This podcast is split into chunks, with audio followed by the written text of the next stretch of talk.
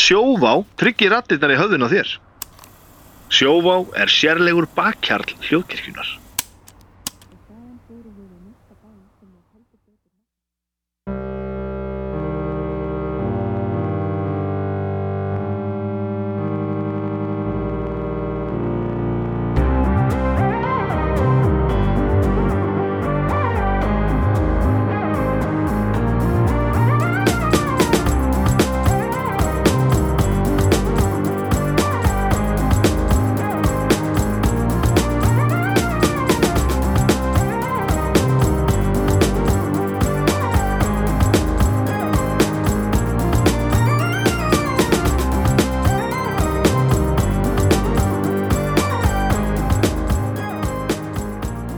Uh. Komið sæl ágætu hlustendur og við Ég var næstu búin að segja sko góðan daginn ágætu hlustendur svo fatt ég, nei, Þetta það passar ekki Var Af því að veikast að byrjun í sögu Láður Apps á Já. jörðinni Það er sömur eru kannski að hlusta á nótinu og þá þýðir ekki að segja góðan daginn og bara okkur alltaf ég að segja góðan daginn Ég held að segja því að það er dagur þegar við erum að taka þetta upp og, og þú bjóða fólk velkomið Já, ég er svo hress og gátur í dag Ég held við getum ekki Yay. ein- einna, hérna, já, það er svona, að við erum svo lengi að byrja þáttinn ef við ætlum að koma mótsið þarfir allra sko. Já, ó já, það væri þáttið erfitt sko bara góða, gott 2032 Nú ek- ekki á sæletinu sinni heldur Nei, það ekki er á allt sælætinu. í skrúfunni hérna í draugatölu setja síman á þögn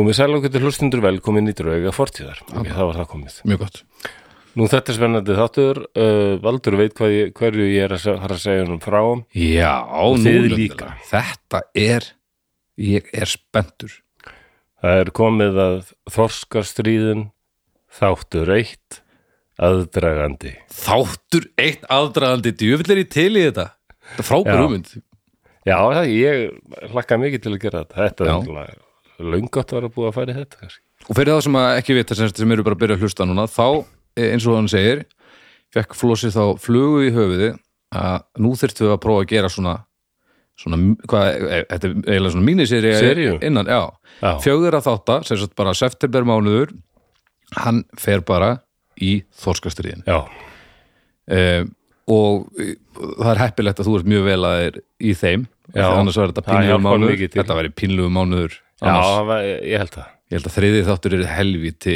eftir embin sko já, já en sannlega þetta er geggjað þá er þetta staldra heldur betur við, við þurfum ekki það er ekkert að fara að hlaupa yfir uh, einhverjum harða hlaupum í gegnum þetta Nei, mér fannst svona, jú, jú, það er af því að hver þáttur Ókeypis. er svona tveir tímar kannski og þetta eru fjóri þættir, já, átta klukkutímar og þess má geta að þorskastriðin tóku einmitt átta klukkutímar já, já, þannig að við getum gert þeim bara alveg Nákvæmlega. skil á rauntíma nákvæmlega Já, þetta er ekkert flókið, þetta er bara starfræði eða eitthvað svona Jú, fræði.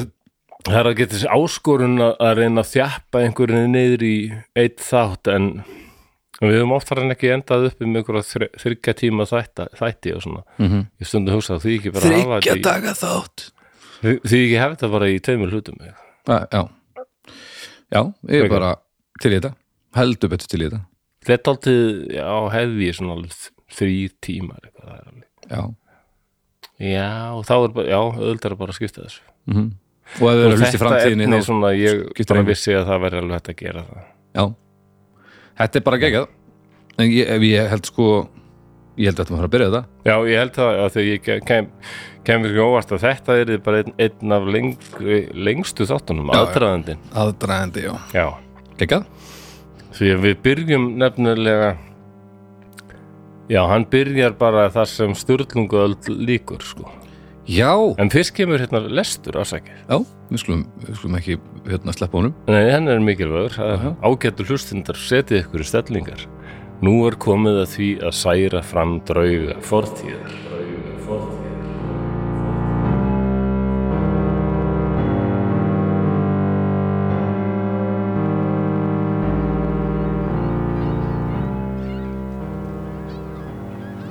Við stöndum hér uppi bláfátækir, afskektir og óþektir, fyrir utan öll gæði heimsmenningarinnar og horfum á erlenda fiskara draga frá okkur marga tugi miljóna á ári.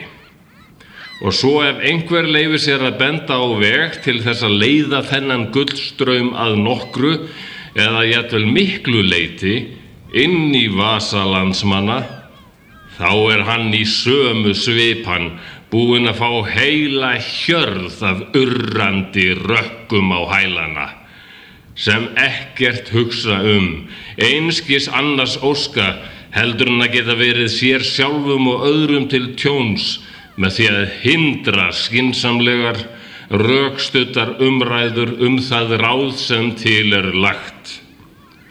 Þetta er menningin okkar Íslandinga. Hér er ekki mikið aflögu fjö til góðra þjóðlegra fyrirtækja.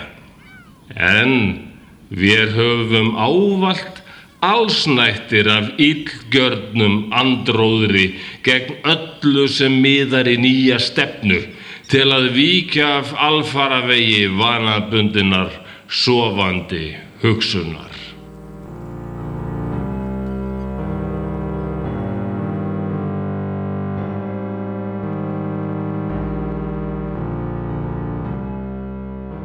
Já, lestir er lokið Fíla Hérna. hvað það var alltaf að tala undir rós svona, Já, já, þarna var Einar Benediktsson brjálaður að láta Íslendinga land, landa sína að heyra það heldur betur og þarna, þetta er í lok 19. aldar, svona 1895 til 1900 auktíma sem að skrifa þetta já, og hann eins og fleiri voru búin að fá nóg sko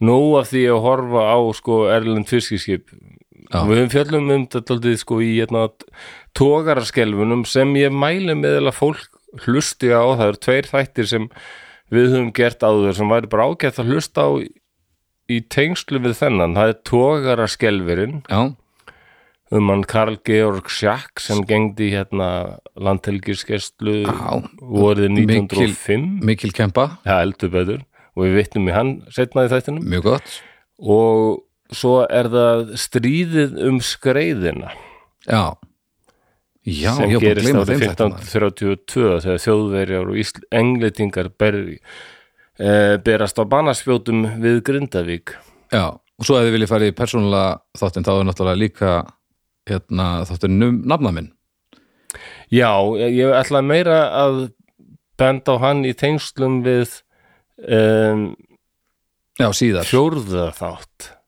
já, ég, við fjóruða já, þriðja þorskastriði ég veit ekki Ah. hvað ég er að skipta mér að þessu Nei, Ha, það er alltaf lægi, alltaf Ha. lægi, letna það, það er alveg rétt já, já, Ha- En um að gera mun að að benda á þann þátt sko, auðvitað getur fólk hlusta og hann bara strass eða vill mér er aldrei liðið eins mikið eins og við sem sagfræði hlaðarp Nú, nei, nei, það þegar er þetta er komið svona í- Já. í fjóruða þá, þú þú varst búin að hugsa fram í tíman Já, já, Það er mjög, ég er ánægð með þetta hver veit nema þetta uh.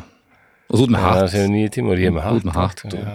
allt að gera sko ég kom inn með derhúfu bara eins og einhver auðli Er þeir- Auðli með derhúfu og er sagnfræðingur með fótbolta- hatt. dó- Fótbolta dör- dörhúfa er hérna, svona ruðnings- húfa. ægisbröð rekords maður Ha, ægisbröð rekords útgáðu fyrir tekið upp á skaga sem að e, gríðalega fallegur hópur af, af, af, af mönnum er að aldur tönnum kassist útgáfa og alls konar pönki og, Og er það að kaupa húfu með því?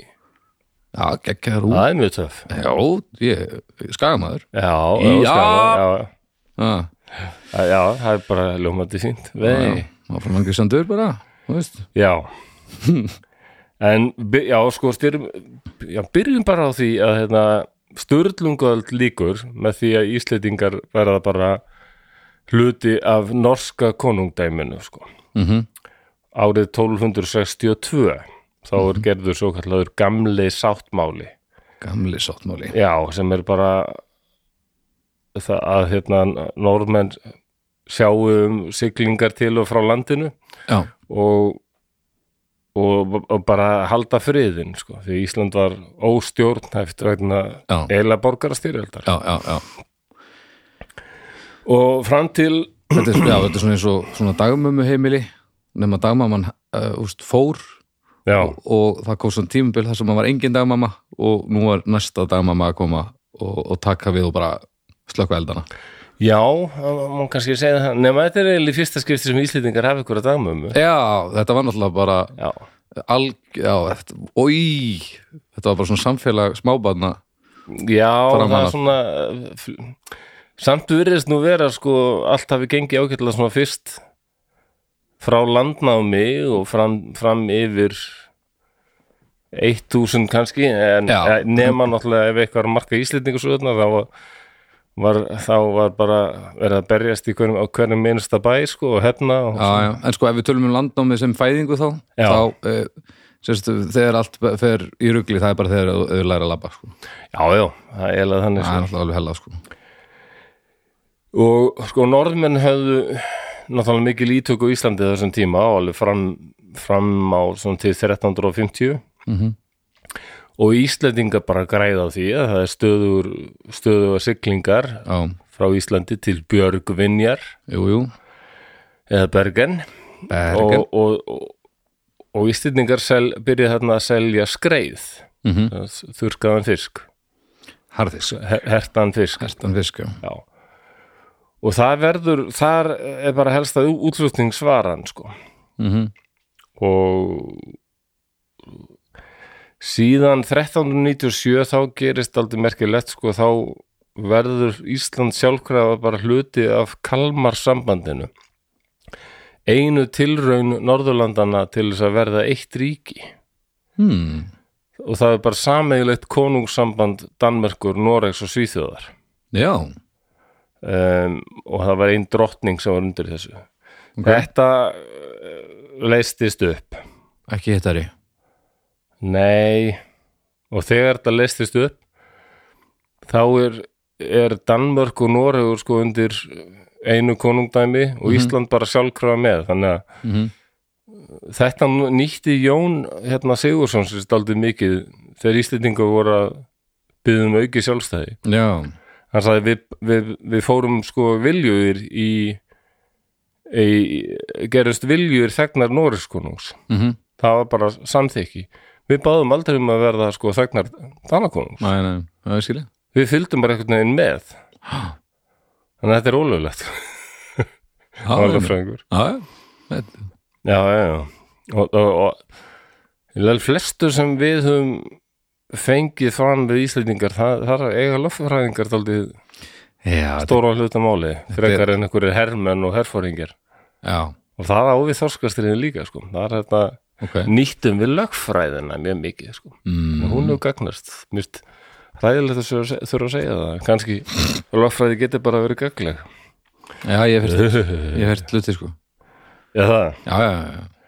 já en já, kalmarsambandið en sko 1402 þá gerist, spe- gerast spennandi hlutir og við höfum nú gert þátt um þetta fyrir breið, þá kemur svartitöðið sko. spennandi hluti já, Spennandi tímar og við höfum líka gert þætt- þátt um svartitöðið sem þið getið tekað á líka Ó, pældi ég hvernig, ef bylgjan hefði verið til til dæmis á þessum tíma, hvernig heldur að að bylgjan hefði hljóma á tímum svartættuða Heldur að, að, að, að halda stemmanum svona uppi Ég get ekki ímyndað með það. Það er ekki verið að gefa pitsur þegar Nei, svartættuði það, að ganga sko Já, það er, við erum að reyna að gefa hérna Úldin Þorskaus fyrir, eh, nei, ég Bara ef við getum get ekki ímyndað með það. Nei. Já, bylgjan á tímum svartadöðu. Þetta, Þetta er alveg já, hugmynd. þetta er vísindaskóldsa sem eru upp og grefs Já, svona he- svartadöðu draf alveg helming landsmanna eitthvað svo leiðis. En Já. sko, upp úr þessu, svona, eða, já, svona upp úr 1400, þá fara að verða, um, það er náttúrulega, já, margir sem dáið í álfunni og hérna, mm það eru líka að verða þáldi framfærir í sko tækni og betri skip alltaf að verða til og svona Betri útvörp og betri útvörf og, og það er sérstaklega þjóð sem fyrir að fá þáldi í áhuga á Íslandi hvað þessu varðar sko mm. og það er eiginlega fyrsta þjóðin sem í raun uppgötar og fyrir að ný, nýta fyrst allra þjóða Íslandsmið, Já, það er England það er brettar Já. Já. Íslendingar voru ekkert að nýta þetta Nei, nei, þessi auðafi hérna nei. strax upp úr 1400 eru englendingar farnir að sigla hinga reglulega Mm.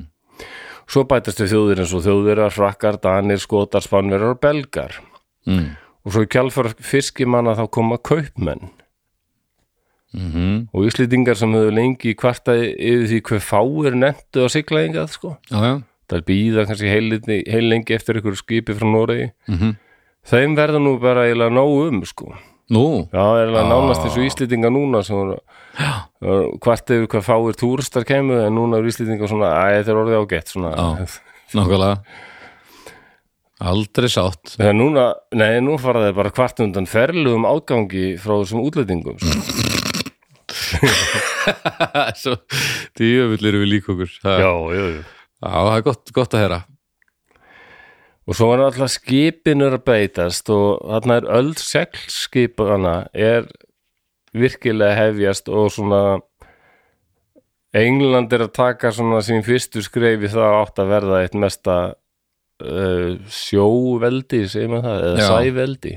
Já, já, ég veit ekki hvað maður segir en ég skil hvað þú meinar En þ- sko, þe- alltaf þeir sem hafa átt Ísland hafa ekkert viljað að aðrir kæmu þangað. Nei, og norðmenn sko bara settu lög og bönn og sem bara bönnuðu öllum að sigla til Íslands mm. hvort sem var til veiða eða viðskipta vandamálið með bönn er að það er eitt að banna en svo þarst til að framfylgja þeim já Já, já. það er bara það gáttu norðmenn ekkert gert tímafrekt já, Ha, þeir hefðu alveg mannað að hugsa Stórt svæði, brjála að gera og einhvern veginn og einlendingar hlustuðu ekkert á þetta og heldur bara áfram að sigla þetta fullu sko. í annálum er til dæmis sagt að á skýrdag árið 1419 mm. fórust 25 ennsk skip í ofsa veðri Já, bara á skýrdag vá 25 já, Úf Ok, og já, svo bara áfram lí, líð, líða áratugirni sko, og um 1500 þá er talið að englendingar hafi átt alveg svona 500 úthafskip en um 150 þeirra var eða bara svo kallur Íslandsfloti Ú, já, ok Þeirra verkefni var bara að sigla á hverju ári til Íslands, til fiskveiða og einni verslunar. Vá, Þannig að ég myndi sko- það er ekkert smávegis Nei, það er alveg heilmikið og Þetta, þótti, þetta var bara mjög mikilvægur floti fyrir einlendinga. Sko. Já, Þeir vildu halda honum og hérna, lögðu mikla áherslu á það að hérna, halda upp í siglingu til Íslands. ok Og það verður svona sterk trú hjá þeim sko að það hérna, er þeir að fá fisk reglulega að borða og hérna til dæmis Hinrik 7. og 8. þeir, þeir lögðu mikla áherslu á það að þegnar, þegnar þeirra ættu að að borða fisk reglulega ekki bara gúlpís í kjöt Og var þetta strax orðið holdt og gott mál? Já, það var, ta- þetta var talið það sko Já, ég meina, ok Það já. er bara verið bótað en svo líka eru Íslandsbyð þarna allir þessi sjómenn sem eru að fara til Íslands þeir náttúrulega, þetta er rosalega harður skóli í að eiga við sko veðuröflin Já, þau geta oft verið mjög hörð hérna og grimm já, eins og, Eins og þessir- 25 skip á skýrdag komur stað já, nákvæmlega Já, þannig að þetta var góðu skóli örgulega margir margir sem setna urðu hátsettir í flota hennar hátirnar sem bara fyrst kynntust reyði njarðar hérna við Íslandstendur já kjalanesi er við það, sko ha? Gjalanessið víða Ha, Þetta maður þetta bara að setja þetta ból Skrítin bólur Já, reyndast aldrei undalur sko Já, Á England er að taka skrefin í að verða sko þetta óbóðslega veldi á hafinu sem það varð já, og allir aðrir en Íslandingar sem sagt voru fannar að keppast við það að nýta þessi auðugu fiskimið mhm uh, og þeir fáu stórbændur sem í raun réðu Íslandi, þeir gerðu aftur á móti sko ekki nóg með það þeir gerðu allt til að hindra framgang sjávarútvegs á Íslandi Já, Þeir voru döðhrættir við það að það myndi allt reyðlast að fólk myndi flikkjast til sjávarsíðunar og verða til sjávarþorp hver að þá sjáum eins og í rofnar öðrum löndum, já hver að þá að að raka heið mitt Hver að og þá sjáum móru Já, Hver að Já. sjáum hana móru þá missum við þetta ótýra vinnuaflokkar Já, já, já, já, já hræjóðir sem var náttúrulega bara þetta, var- fólk var nánast þrælar, ég vil Já. bara segja það þetta- jaðrar við þrældómi sko, eins og mm. þetta vistarband sko, að- vistarbunds ánöðin þannig að það var já, að að ætla að fara að einbetta sér að sjónum geti fokkað upp vistarbandinu já, þetta er sko viðhaldi, einu sjálfstæðu atriðinu reikendurnu hérna voru bændur Mm. og allt samfélagið er einhvern veginn svona pikkfast í þeirra greipum já, og það eru bara fáir stórbændur sem eiga bara 98% af öllu einhvern veginn mm, um, sko það var til ákveðnir það verða til um, markönglar það var svona vinnukarlar fengu öngla sem þeir áttu sjálfur mertir þeim, mm það sem fangaðist á þá þeir máttu eiga það já þeir, eru- þetta er bannað árið 1567 ok, og síðan verða og var það er svona- alltaf erlendir fiskimenn sem að kenna íslenskum fiskimennum hérna, já, hei, af hvort hann nota þetta og hérna, sjá hvað við erum með við notum þetta sem heitir lóð nú, hvað er það? Já, þú ert bara með línu með einum öngli mm ég hérna ertu með lóð og getur sett á þetta bara marga öngla og Nú- ertu með bara eina línu með mörgum önglum nota ferðina veiðarfæri með marga öngla, þetta er flott maður svo eru í- íslenskir íslendingar að veiða með þessu, nei þá valda var taka fyrir það og þeir eru bannaðir með lögum 1578 lóðin, eru, ha, já, lóðinu bönnuð með lögum af hverju Æ, þetta var bara þetta var mikil þróun, djöfur snild, ég veit það þetta er geggjað múf íslendingar hafa alltaf verið sjálfum sér vestir aldrei að aldrei að vannmeta Það var alls ræðslu fólks við breytingar sko. og það eru alls ekki danir sem stóðu fyrir þessu danir voru frekar að hveti íslendingar til að veiða fisk heldur en hitt. áfram lóð já Og ræðsla, ræðsla annað við sem var- breytingar maður djöfus veistla alltaf annað var að enskir og franskir sjómenn hérna þau séð að það er allt fullt af maðki hérna og akkur notið þið ekki maðkin sem beituðu strákar mm. ha, M- m- anskotans maðkin heldur fiskurinn getið þetta held ég það hann dyrkar þetta, þetta er den besta beita sem getur fundið vá, förum að prófa þetta þetta var alveg rétt maðkur hún bara frábær beita gáttu við bara ekkert þetta fréttist og maðkur sem beita er bannaður með lögum árið, nei djöfus árið 1609 snillingar Já Og það var allt svona Sama sko æj, æj, æj Já, og öll svona framþrúni sjáur þetta bönnuð þetta er geggjað geggja plan Það er ekki sýtið að Einar Ben hafi verið brjálaður hérna í byrjun nei, þetta, þetta, er, þetta hefur verið þreytandi Nei, sko. því að Hann er að segja þetta sko í kringum 1900 já, við, og við erum sko mörg hundru árum á undan sko.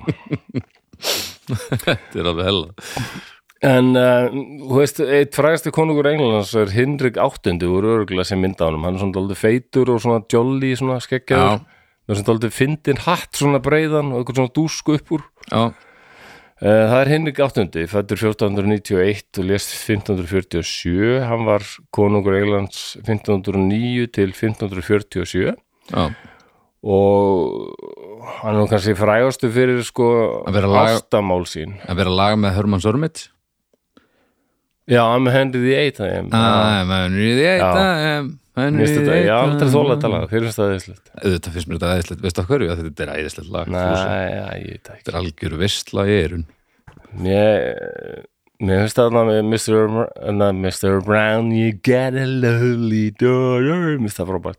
Og No Milk Today er náttúrulega snild bara. ok, ég- ég- þú þú veist, að því að hauku við þar hatar Hermann Sörmitt út á Já, það er lífin ekki þetta mark, hann hefur fáranlegasta tónlistar sem ekki heim já, að hafa nú gott að að vera með honum í, í tónlistarlaðvarpi sem heitir besta platan og þið getið fundið þetta inn á öllum Já, betri veitum en það er Jú, jú. ég bara Nú til eiginlega að aldrei droppa. sammála þeim fjölum sko um neitt Ég ætla svona að fara að dra- droppa inn öllum þáttunum sem Já. eru í gangi hérna svona í, í, í einhver staðar í þættinum alveg eins mikið og ég elska haug og finnst hann vera finnast í maður landsins Já, já. þá hérna það er ég oft sko oft rífandi hárum mitt og skegg þegar ég er að hlusta á bestu já, já, blöðum já, ég fann það þegar Bibbi var hérna þá, ég var svona mest, hann var svona mín málpípa yfirleitt sko já, það var svona, já já það er, doktorum var að gefa skýna Rage Against the Machine, það væri nú bara voðalegt unglinga pop eitthvað og, Já.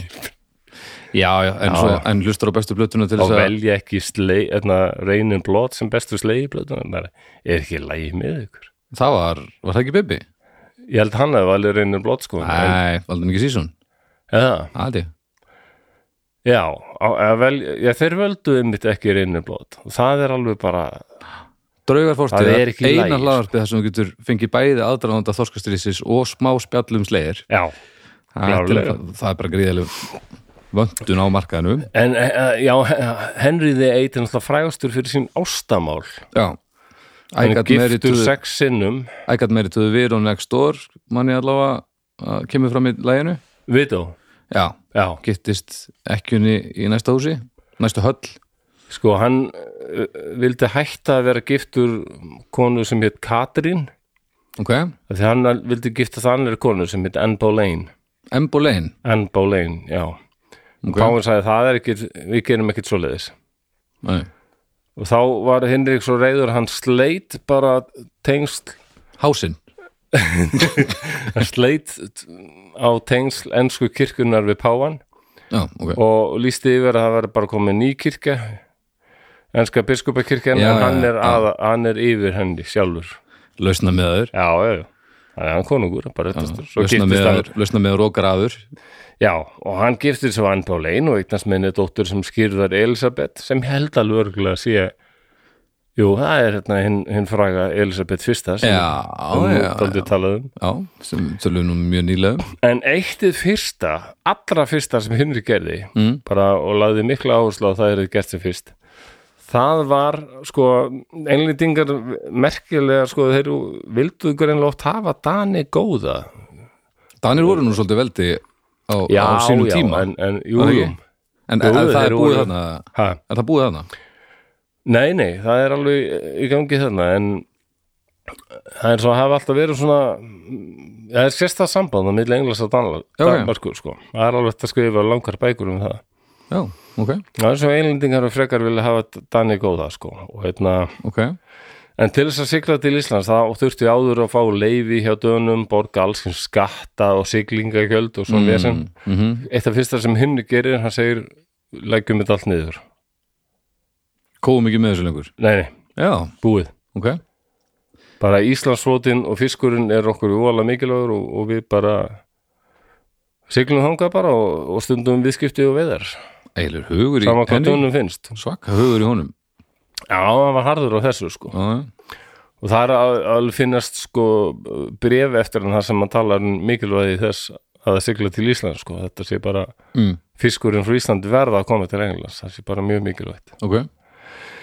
og um tíma voru Danir hennilega hrættur um að englendingar ætluður hennilega bara að taka landið sko og þeir eru til dæmis hlaðið nokkur virki vísvegar um landið og en eins og ég segi, ég veist verða sem englendingar er frekar leitast við að hafa Dani góða sko Bara vildi ekki borga borga þessi gjöld Nei, en oft komið til móts við kröfur þeirra að minnskost í orði en sannleikunum var sá að hann er áttu bara mjög erfitt með að framfylgja bóðum sínum og bönnum og Já. það, þannig var það bara alltaf. Alveg Versta, fram- heldur þetta sé versta dyravörslu jobb í heimi Ég Að- þetta er náttúrulega ekkit grín. að eiga standa vörðum að enginn kom Já. inn í að veiða við Íslandsdæmitur Nei, menn að það kemur núna mar mörg hundru spænskir, portugalskir tógarar, ég held að ég er það alveg erfitt. Já, alveg nóg, nóg að gera frá land, landhelgi Já. sérstæðan þótt þetta sem miklu auðvildar náttúrulega núna. Já, já. Gerfi tunglum og öllu. Já, já, algjörlega en, Það er heilmikil vinna samt sko Já og hérna sko það var það til dæmis var á tíumbili uppreist, ég skrifa nú ekki alveg hjá mér hvernig það var mm, Jú, það er á söpum sko verður uppreist í Danmörku einu sinni til dæmis mm og, og, og konungurinn sem var settur af hann, vildi, hann var að reyna að ná völdum aftur og var að reyna að byggja englýtinga um hjálp ah, og hann nefnir sem dæmi sko ef þið hjálpið mér þá fáið þið til dæmis í Ísland sko Nú þá skulle ég bara setja þess að Ísland eru ykkar en Já. englendingar ákvaði bara nei við skiptum okkur ekki að þessu Nei. en já, Já, ok voru við, Já, við vorum, við vorum svona gjaldmiðl já þetta er að Ísland hefur alltaf verið svo afskekt og einangrað jú landfræðilega erum við það og enginn hefur haft áhuga á okkur það er ekki rétt Nei, eins og mér finnst við hafa sínt fram á í þáttunum um skreið, strí, skreiðar Já. skreiðarstríðin og svona ég meina. en þetta, en það, það sem fólk, mm, þeir höfðu áhuga á það var alltaf fiskurinn já, öðlindir úr hafi já, en þú veist, það, það, fólk var ekkert eitthvað uh, þetta er vós þú veist, nei, það var nei, meira bara einmitt nei, nei, nei, nei, nei. uh, Nei, það það, var ekki- það var ekki gerist íslenska. eða sko það, og, og svona, það var ekki íslenska sömari sem heillaði held ég, nei þú veist það gerist eða ekki fyrir hann 19. öld að fólk verður alltaf inn að líta á náttúruna sem rosalega svona mikill innblástur það er náttúrulega ekki fyrir hann, já, náttúran verður romantíkinn kemur alveg sko þegar að manni, maður er komin í- á þann stað í lífinu að náttúran verður munaðarvara einhvern veginn já, úff þegar þú þarft ekki bara að hræðast hana eða ert bara að reyna að komast af eða þú veist, já, þá einhvern veginn ferð að horfa á náttúruna eins og eitthvað sem þú leifir þér þá kemur Ísland mjög stertinn já, já Eh, sko 1691 þá hérna gerist ákveðin hlutur það er Kristján Fjóruði mjög litríkur karakter Danakonungur já, Hann rét- ritar bref til kollega síns eh, Charles the First eða Karl Fyrsti, svo íslendingar myndu kalla hann. mm. fyrstikalli Já, og, og hann segir hann orðurétt Ég leita vinsamlega og bróðurlega til yðar hátegnar að þér með opinberi tilskipun og aðvörun alv alvarlega brýnið fyrir þegnum yðar að þeir stundi veiðar sínar í að minnstakosti 6 milna fjarlægð frá ströndinni. Hmm. Þetta er dálítið merkilegt því að þannig er að verða svona einhver vísir að landhelgi já, þannig er, þannig er fólk farið að tala um sko mýlur og hvað, hvað má vera langt frá sko, þannig er daldið þetta að fara að byrja sko. þetta er bara glænýtt þarna annars, Já, var, þetta, annars og- var þetta bara sjór er bara sjór Já, og þetta að yfir var það þannig sko, er daldið svona samþykkt allstaðar að landhelgin er bara eins og fallbyrskukúla dregur frá landinu, mér finnst að við ættum að, að taka það upp cirka aftur þrjár mýlur við ættum að taka það upp aftur, ég geimi það mér, að, hljóma vel, Já, nema núna nú sem við fallum fyrir dragur rosalega langt, þannig að já ég meina uh, það er bara ekki 200 mýlur samt uh, nei, sennilega ekki Nei og þarna þarna er Ísland eða með landhelgi samkvæmt þessu sem er, er nú alveg 24 mýlur sem er nú bara töluvert en auðvitað gáttu Danir samt ekkert passað upp á þetta nei, nei. og flestir voru einmitt á þessum tíma sammála um þetta þessa fallbyssu landhelgi sem sagt þrjár, þrjár mýlur já við ættum að mæla meira í fallbyssu skotum Veist það, hvað hva er Já. langt, hvað ég er að fara til húsa ykkur, Ég hvað er bara þetta langt mæla bara í vél- Þetta eru- velbyssu skotum og skambyssu skotum og svona skil ekki okkur Amerikanar ekki búin að taka það upp. Eða, það er handa við hóðnið sko. örglega sko já, já, ég, ég hljóp 30.009 mm skot Já, í dag Það kemur að því. fínt laup Uh, just the five, uh, about five shotgun rounds to the left. Já, örglega fara Amerikanar í þetta bara.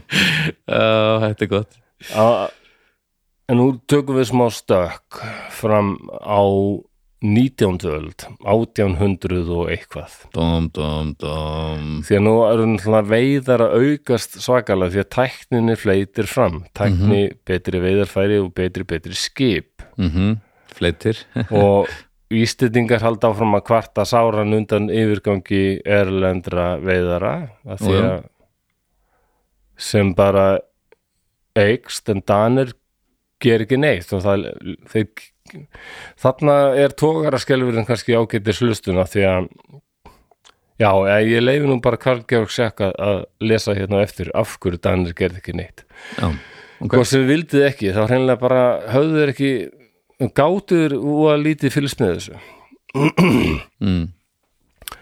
1889 kemur nýtt veiðarfæri það er botnvarpan eða bottroll Mm sem hefur og er líklega ennþá með svona eitt mikilvægasta veiðarfæri sem hefur notað hérna mm. um, og það eru svona tógvírar sem liggja frá skipinu að hlerum uh, og tógvírarnir eru vafðir upp á tromlu á tógaranum og hle- þessi hlerar eru svona járnhlerar Mm.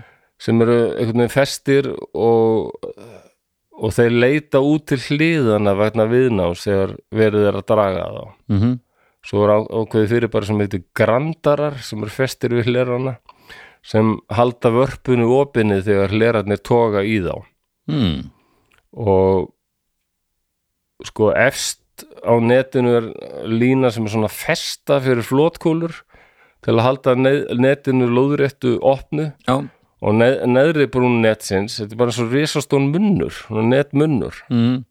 og neðri brún netsins það er svona reypi sem áur gúmihjól og þetta heldur vörpunni á botninum Mhm. og þetta er bara risastór gapandi munnur í raun Já. netið sem bara kemur Á- á þarna eftir hjólum. botninum sko á hjólum bara Já og, og, og fiskar sem verður varið við þetta þeir, þeir hérna og líka eiga þessar kúlur að varna því að varpan festist í ykkur á botninum Mhm. um, og fiskar sem verða varið við þetta bara ægileg fiskitorfa þeir synda bara undan þessu en, en sko uh, þreytast fljótt og bara fljótt lenda í vö- vörpunni, í pókanum þetta er svona Já. risa póki sem er bara draugum og þetta þykir fara mjög illa með sko hafsbotninu Já,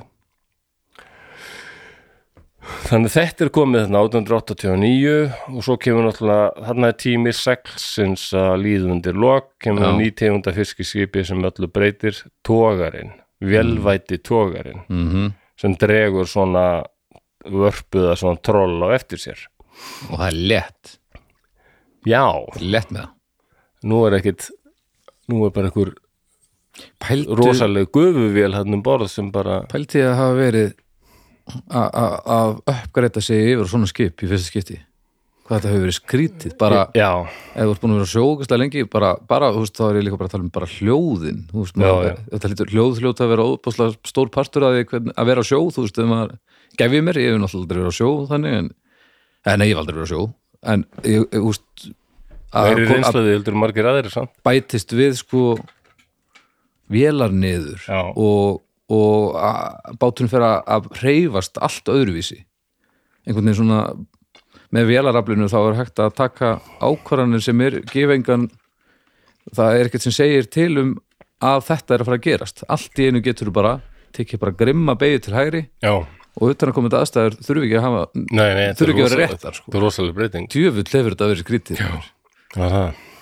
og líka þetta með sko gufuviluna hérna, maður hefði sko að Napoleon þegar honum bent á að væri svona nýjar vendingar sko í, fyrir seglskipin þá væri komin vél Mm. sem væri bara ofan í skipinu Mm -hmm. og geti knúið skipið áfram sko þegar seglinn dugi ekki eða ég ætlum með seglunum sko Mm -hmm. hann bara, og hvað, hvað knýr þessa vél já, það er eldur og hann bara, hvað og kveiki einhvern risastóran varðeld í miðju skipinu Uh, já, það, það er já, vél, brennandi heiti vél hérna, já, sem, basically hann planið bara, ég hef ekki tími svona bölaða vitleysu Nei, nei, þetta er það ljómar ekki en verið það, ég get ímyndað mér að mönnum hafa þótt þetta daldið, bara eins og núna er talað um batteríin, sko, Já.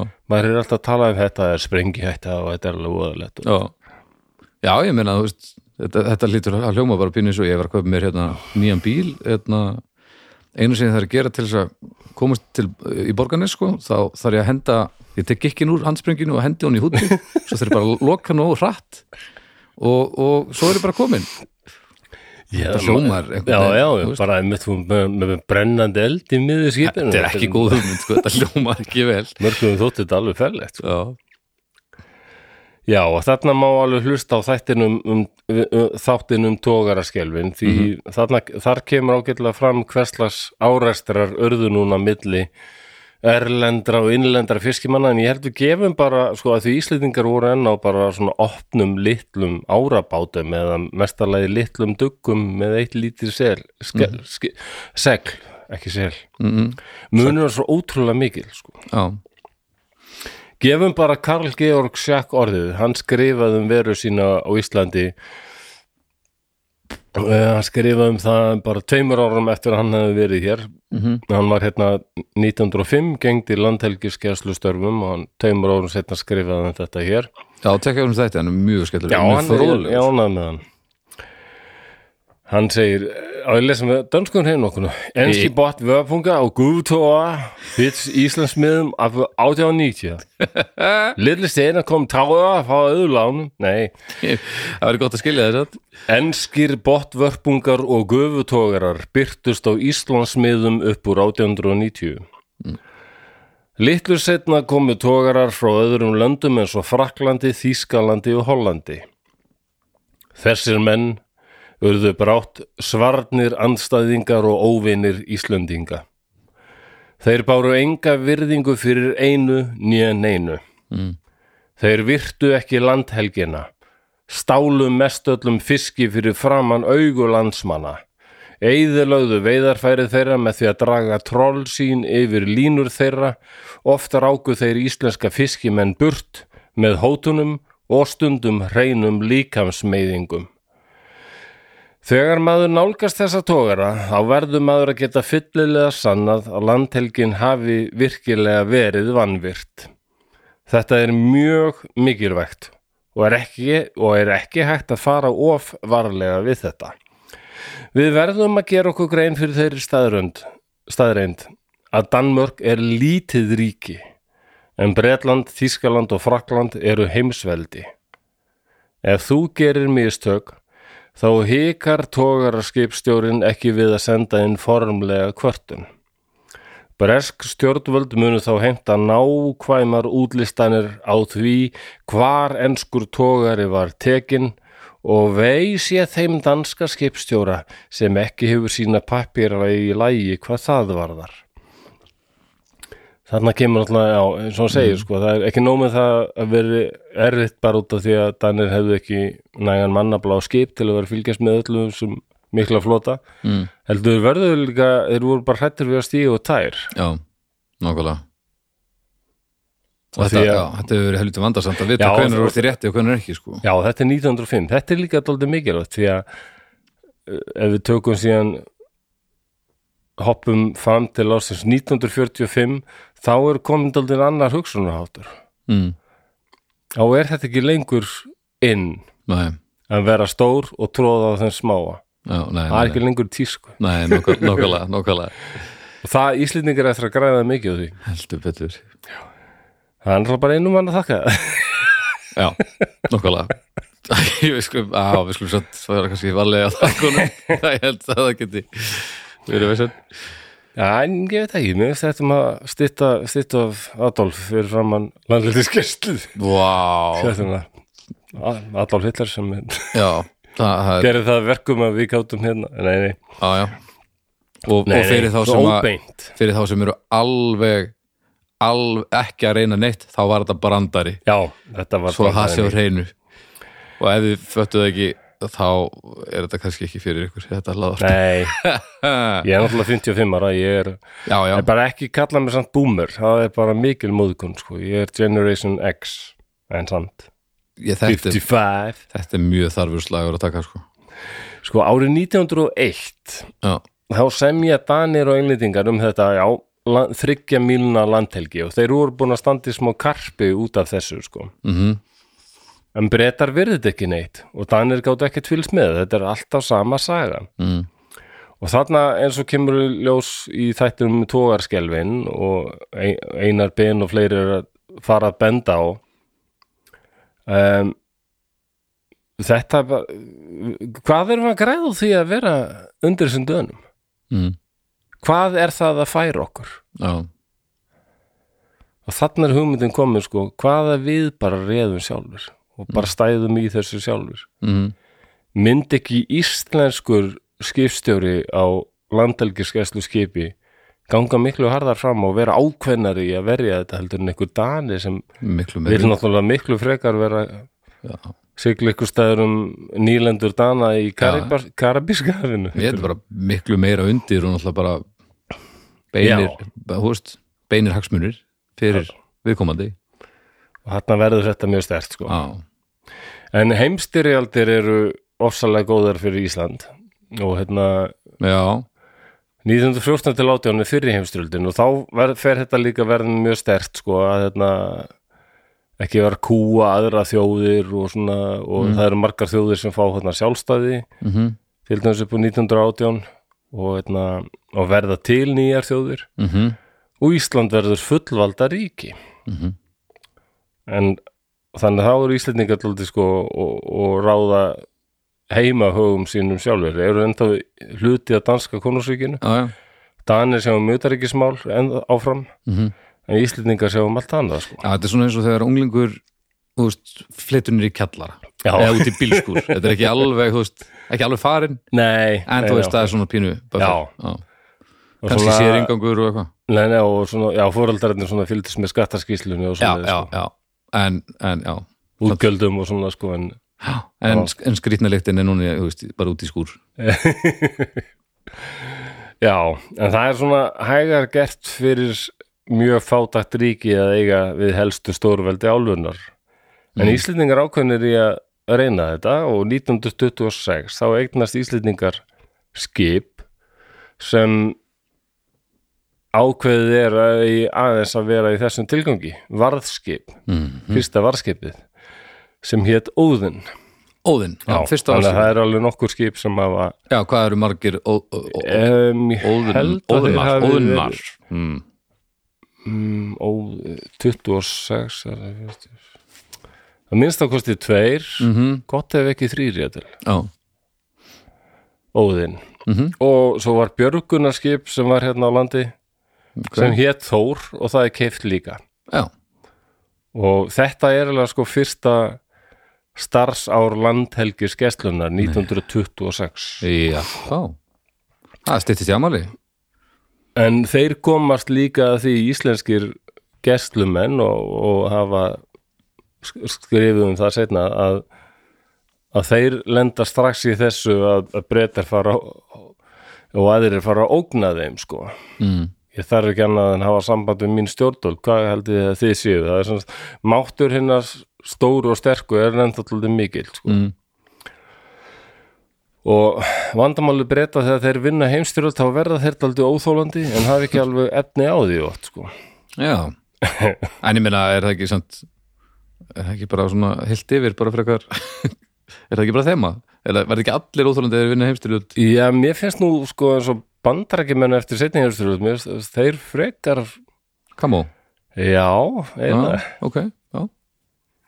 mér sérst alveg með breyta sem voru ennþá greinilega rosalega fastir í að halda í ykkur svona imperialisma sko. svona heimsaldastefnu. En var ekki ef, eh, svona uppgjör setni aðeins svona manneskjölar og skaplæra heldur en uppgjör fyrri? Jú, jú. Var það ekki bara aðeins Það var, líka? það var meiri, en náttúrulega- það var meiri sko uh, þetta er eins og frægir samningar sem þetta versala samningarnir Mhm. 1919 þar sem þjóðverjar eru sko, sko frakkar já breytar reyndar líka en að- sérstaklega frakkar voru svo fullir henda Mhm. og í staðis að bara uh, eins og amerikanar föttuðu að er miklu sniður kannski undan flestum það er miklu sniður að þú bara lappir inn sem brosandi sigurveri og gefur krakkunum tyggju og súk, menn svo Japan mm. eruð forviða þegar Já. bandarski herum Kom og kálaði ekki öllum nei, þeir kom bara brosandi brostutur japansku bannana, hei, súkulæði bara, Já, og það er náttúrulega slak, slaka allir á og þetta, er nú- og hérna, Já. þetta var eitthvað sem Japan er náttúrulega all, áttu bara von á því að innræsra herum kæmi og myndi bara brenna allt og nöðgöllum og bara derpa alla og nákvæmlega eins og þeir höfðu örgulega gert Já, nákvæmlega Nei, bara koma brosandi og Hi there kid, one shack lane Já, þetta, þetta auðveldar eftirleikin heldur betur Já Og það var sko hann Woodrow Wilson sem var bandarækjafosti hann hafði alveg áhyggjur af þarna versala samningunum mm. Það er alveg fín bók eftir hann Margaret hérna Margaret Atwood sakræðingur skrifaði um þetta okay.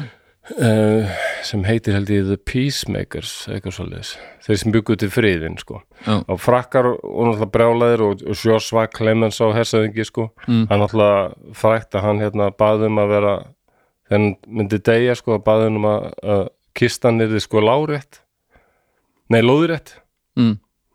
svo hann getur nú staðið sko og hann þannig að, að andlit hans myndi horfa í átti Þýskalans Ég hann sagði mér þess að í dauða þá vil ég geta fylgst með þessum helvítis Oh, helvítis húnum Þetta er þetta pyrrandi Já, þetta var eitthvað svona hugsun sko, það var svona reyði og grimd sko, og í staðin fyrir að einmitt bara já, nú erum bara, segjur ykkur, við erum bara að hjálpa ykkur að byggja upp landið og við bara þurfum að vera vinir og svona lauma sínum áhrifum inn í, sko Nei, þetta er það- Nei, Hann hefur átti bara, bara, hann hefur bara, keyrt- hann hefur bara verið svona maður sem fyrir svangur í búð Já, þetta er bara að sína þjóðurum að þeir eru ekki neitt neitt og þeim, Já. sem þjóður eru náttúrulega rísa þjóð og það er ekki þetta að breyta því og þeir Já, nei, mátt ekki hafa neitt hér og þeir mátt ekki neitt og náttúrulega Mhm.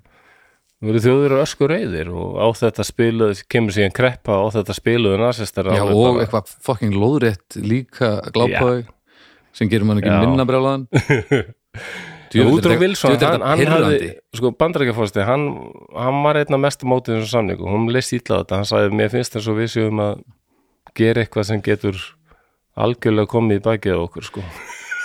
Já, það var alveg rétt já, já, þetta, þetta var já, hann hefur sennilega verið spámaður og, og þjóðverðunum voru neittir til þess að undirrita þessa samninga, versala samningana í versölum, í ákveðnum járbrautarvagni okay. svo þegar þjóðverjar sigura Frakland í setni hérstöldinni og frakkar byggðum að að segja við viljum rita bara uppge, eh, við, við gefumst upp, við viljum bara rita bara friðarsamninga Mhm. já, já, það er bara ljómandi við erum með góðan stað Já, segja þjóðverjar já, og svo mæti franska sendinendin og það er í versölum og það er sami járpötavagninn og þjóðverjar bara búin að finna hann, ná í hann sko já, það bara eh, og þarna, eh, þarna kom þess að fræðu myndar af Hitler, Hitler þegar hann virtist bara hennilega dansa á gleði sko. já, já, já. þarna var hann búin að snúa þessu við Já, sko. akkurat Já, Já, ok. já. já, já, já. og já, já, það er eh, þannig að það er svona öðru já, þurfti eina heimsröld til til svona alveg til þess að losna svona aðeins við þetta hemdar reyði úrslit sko já. Já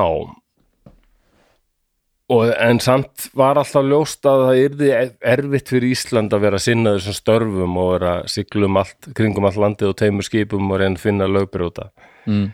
og Ísl Íslendingar vissu líka að saman hvað við eign smörg skip, þetta verður alltaf daldið mál Mói, en þá farið að sumir Íslendingar segja sko já, menn, við þurfum bara í auknum mæli að treysta á alþjóðaleg þegar nú eru þau alltaf sko Já. nú er þjóður heimsvarnar að mætast reglulega eitt af því sem styrjaldir búa líka til já, það er bandalög já eftir rosa stríðherfi, við vorum að passa að þetta gerist ekki Já, aftur. það verður ekki að henda ekki þriðju bara Einmitt. fljótlega og þannig upp úr fyrir heimstöldinni já, upp úr fyrir heimstöldinni þá verður til nokkur sem heitir þjóðabandalagið mm. og þar hittast bara hinn ímsu ríki og tala um ímislegt og til dæmis um landhelgi að fara að tala um það og sem Íslendingar taka vel eftir Mm um, og það voru flest ríki í Evrópu samþykkt að við höldum bara þessar þryggja mílna reglu, það er gott og gilt mhm, nei, það voru ríki Suður-Ameríkur sem bara voru að hörða á því nei, þetta er alltaf lítið Chile og svona Ekvator Já, Við viljum hafa 6 míluna landhelgi. En breytar og frakkar ekki ánaðin með þetta. Og eft- Eftir síðan, svo kemur setni heimsturöldin og þá gera Amerikanar nokkuð sem setur fordæmi ok sem þeir eiginlega sáu þetta aldrei eftir setna sko. En þeir voru aldrei hrættir um það að önnur ríki gætu byrjað að dæla upp olíu á Mexikóflóa. Já, Þannig að þeir lýsa því yfir að allar auðlindir á okkar grunnsæfi það tilheyrir okkur já, ok og yfirráði yfir fiskimiðum þar einnig. Við erum ekki að tala um að banna öðrum að veiða en við höfum yfir um sjón með þessu. Hvað, hvað er þetta stórt sem við erum að gleyma þarna þá? Um, þetta er náttúrulega, þa- þarna eru þeir að í raun sko ég veit ekki alveg hvað þetta er mýlum en þeir eru þáldið að breyta sko hvernig þeir líta á hvernig þeir mæla þetta. Já, Þegar þarna taka þær allan eh, stóra hluta Mexikoflóa og bara segja þetta tilherir okkur sko. mm Meir en þrjár mílur og miða Já. bara við grunnsæfið. já, um, ég veit ekki hvernig að útskýra þetta þetta er alltaf flókið líka sko. hvernig þetta er oft mælt ok, en um, það var gríðalegu stemmar fyrir þessu gefið mér um, þetta vakti allavega aðtegli sko, það var Já. engin að það skildu allir okkur þeir voru að gera þetta, það var engin beint að mótu þessu en, en Suður-Amerikanar mm. þeir grípa þetta á lofti og segja bara já um, við sjáum bara hvað Amerikanar er að gera og við þurfum að gera þetta líka og við þurfum bara 200 mínuna fisk við lögsu og það er, maður, ég hef stundum heyrt Íslendinga segja að Íslendinga voru fyrstir að, að það eru til 200 mílur og brátt það fóru all, all ríki að gera eins og við nei, nei, það er ekki þannig nei, það voru nokkur ríki í Suður-Ameríku sem voru langt á undan sko ah, ok En eins og við verðum að tala um sko að árin eftir 1945 er Íslendingum, það er allt annað Ísland sko, þetta er Íslendingum mjög hagstætt landið er ekki lengur bláfátætt, mm -hmm. hefur eignast öfluga vini mm og komin í flotta klúpa jæja, já, NATO og saminuðu þjóðunar og svona, sko, félagslífið allt annað já ah. og helstu keppinleitarnir um fiskimiðin, menna breytar höfðu unnið í setni hesturleginni, þeir voru samt í rúst sko, efnahagurum Já. var virkilega lélugur og, og svo var líka orðin ríkjandi þessi skoðun að stærri ríki hefðu engan rétt til að tróða á þeim minn í krafti herstyrk já, það var bara alls ekki eftir að Adolf hélt ballið nei, þá var allir að því að þetta á nýja hljónsveit næst sko. þetta er já, bara já, já, já. Þetta, það var alltaf mjög gjörsalega nóga svo Já. Íslendingar grættu vel á þessu Já. Íslendingar höfðu sko selt fisk í stríðinu og fengið marsjál aðstóð þannig að Íslendingar voru með peninga Mm. og það var allir sammála um það hvað ætti að gera við þessa peninga Mm. nú kaupum við tógara Já. nú kaupum við, verðum sko fiskið jóð nú er stemmarinn orðin Já, þannig og við erum talað um 45 já, hvenær byrjaði ég hérna? 1400? já, það tók smá stund Já, en, en sérðu þarna hvað brettar eru búin að gera þetta lengi já, ár nákvæmlega hundruðum saman já, og það eru fjölskyldur í Grímsby og Höll sem geta sko nefnt eitthvað langa, langa, langa, langa, langaða mm sem vann fyrir sem þeir sigla til Ísland nákvæmlega það er Þau hefur rosalega bara gert þetta og eng, enginn stoppaði þau þar sko nei, nei, nei, nei, danski dyravörun mætt aldrei Nei, nei, nei Svo kemur íslenski dyravörður já, hann mætti það, það var, já Já, það er alveg rétt það stóðu vaktina Já, allir á- einhuga um það innblinn á sjávarútvegin og, og hann að fara að verða til fyrirbæri á Íslandi sem voru náttúrulega vel þekkt af meginlandinu og eiginlega um víða veröld en Íslendingar höfðu aldrei séð áður og fyrirbæri sem Íslendingar eru endaldu óvanir og kunna lítið á og það er að búa saman í þéttbíli. það verður til þorp og bæir sem höfðu sjávarútveg sem aðalstarf já, þetta er uh, þetta er allt glæði nýtt eitthvað, Grindavík, Húsavík menna, já, Húsavík er reyndar glettilega gömul já, já það þannig er lengi lagað, verið eitthvað svona staður en þar kannski ekki sem þetta skilur nei, nei, nei, það er alltaf verið svona Ó, þetta hefur verið svo vandræðilegt framan af öll þessi pláss. Þegar allir svona einhvern veginn að byrja að búa með aðra eitthvað. já, Þetta hefur bara verið bara svona féla, bara, bara félagsmiðstöðar á ströndum út um all land bara eitthvað. já, sumir vilja meina að við erum bara svo óvunni því að búa í borgum og bæðum að við erum ennþá á vensti, kunnu það ekkert Já, Ég veit ég það veit ekki. þetta er nú alveg þokkala komið núna kannski. já, kannski Hvað- ég menna svona, kynverður er búin að gera þetta í þúsundum ára saman sko. Já, en ekki einstaklingadir, þú veist. nei, Það er, nei, það er engin kimmeri sem er búin að gera þetta í þúsundur ára. nei, nei, nei, Þannig að núna er kynslu sem er góð í þessu. Já, sko, en Íslendingar fara taldið að hugsa um, þeir vilja friða faksaflóa. Þetta er mikilvæg hrýtningastöð Þorsins. Mm. Sæður faxa fróa óvart. Sæði það? Ég held það. Faxaflóa. Ég En ég er meina orðið ágætla við. ítla meldur. Æ, Allt í góðu. Þeir eru að bjóða breytum á ráðstefnu þar sem meðal annars átt að ræðum friðun faksaflóa. Já, ok.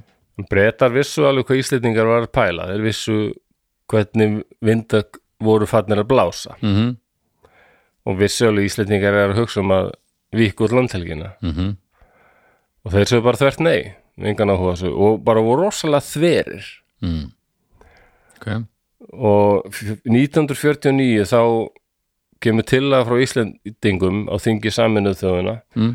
að ræða landelgismál og ok já,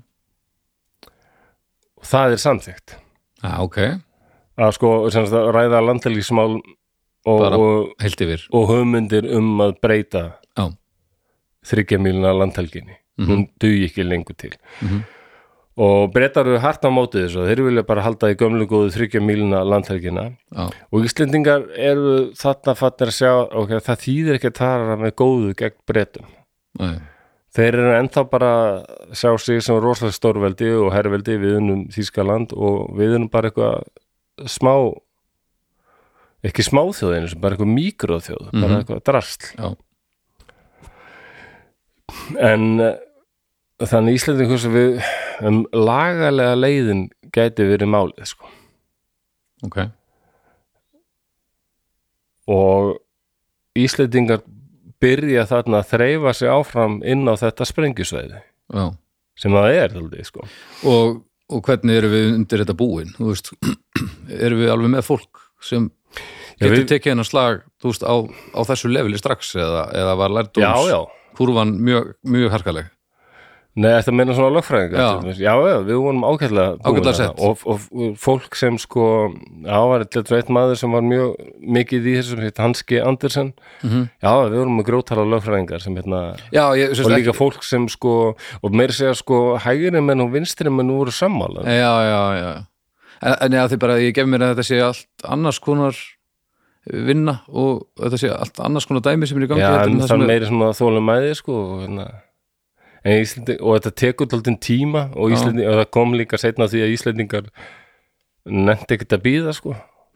ótrúlega já, já, það er, kemur í þætti þrjú til dæmis alveg mjög auðlust Jú, ég vil eftir skipulaður, ha, já, já þetta er gott um, í áslók segðu mér að 1949 í þætti þrjú þá ætlar að þeia að geða lengi og, og sína þannig fram á það að hlustundir þóleik að býða sko í áslók 49 já, þá tilkynna Íslendingabrettum þessari þryggja milna landtækki mhm, eh, sem hefur verið í gildi sá samningur millu okkar um það- hana frá 1901 um, eftir tvö ár þá segjum við henni upp hún verður ekki lengur í gildi ok tveggja ára uppsagnarfrestur já Já.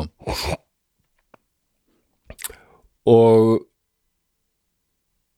fljótlega þá færa Íslendingar landhelgin út í fjólar, fjóra mílu sko norður af landinu já, ok og það var ekki bara brettur sem leist íla á þetta norðmenn og amerikanar voru alls ekki trippnir mm, en norðmenn og amerikanar sögðu ekki neitt ok, af hverju?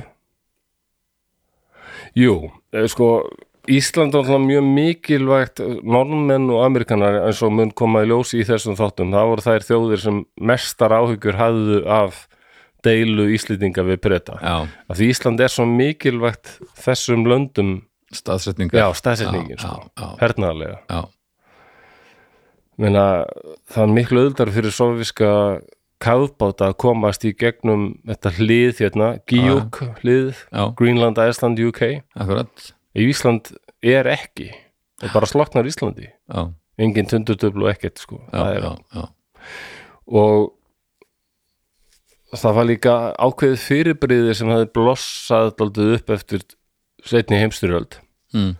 sem normenn og amerikanar og margir aðri voru skítrætir við lekandi lekandi eh, nei, nei, það er svona það er dálítið svona flottur flottur stíl á þessum gaurum ég veit ekki, þeir eru kannski ekki alveg með sama stílinn og, og fascistattir en, en, en komatinn er samt svona með sinn svona, mm. já, það er já, svona fram þjáðin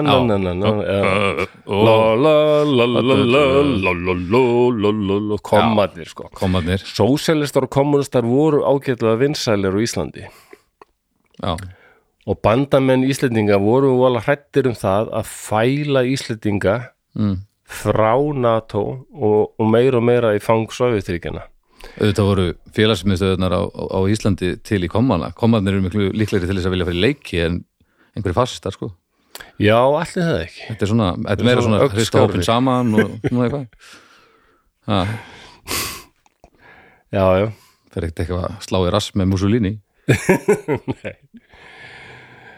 Sko, og þetta, enginn er öll þorskastriðin sem koma á eftir, það er þetta og þetta, þetta eiga Íslendinga líka eftir að spila þetta, þetta spil, NATO-spilið Mhm. Mm. á eftir að verða mikið og mikilvægt spil í þessu, þessum Já, leik og já, Íslendingar eiga eftir að veifa þessu spjaldi aftur og aftur og aftur sko. Mhm.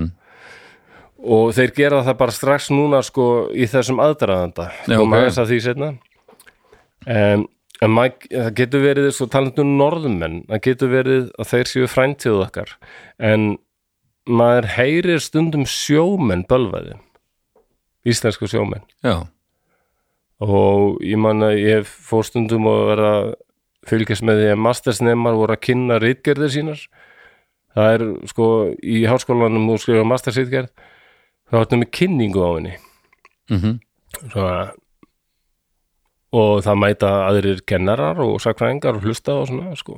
mm.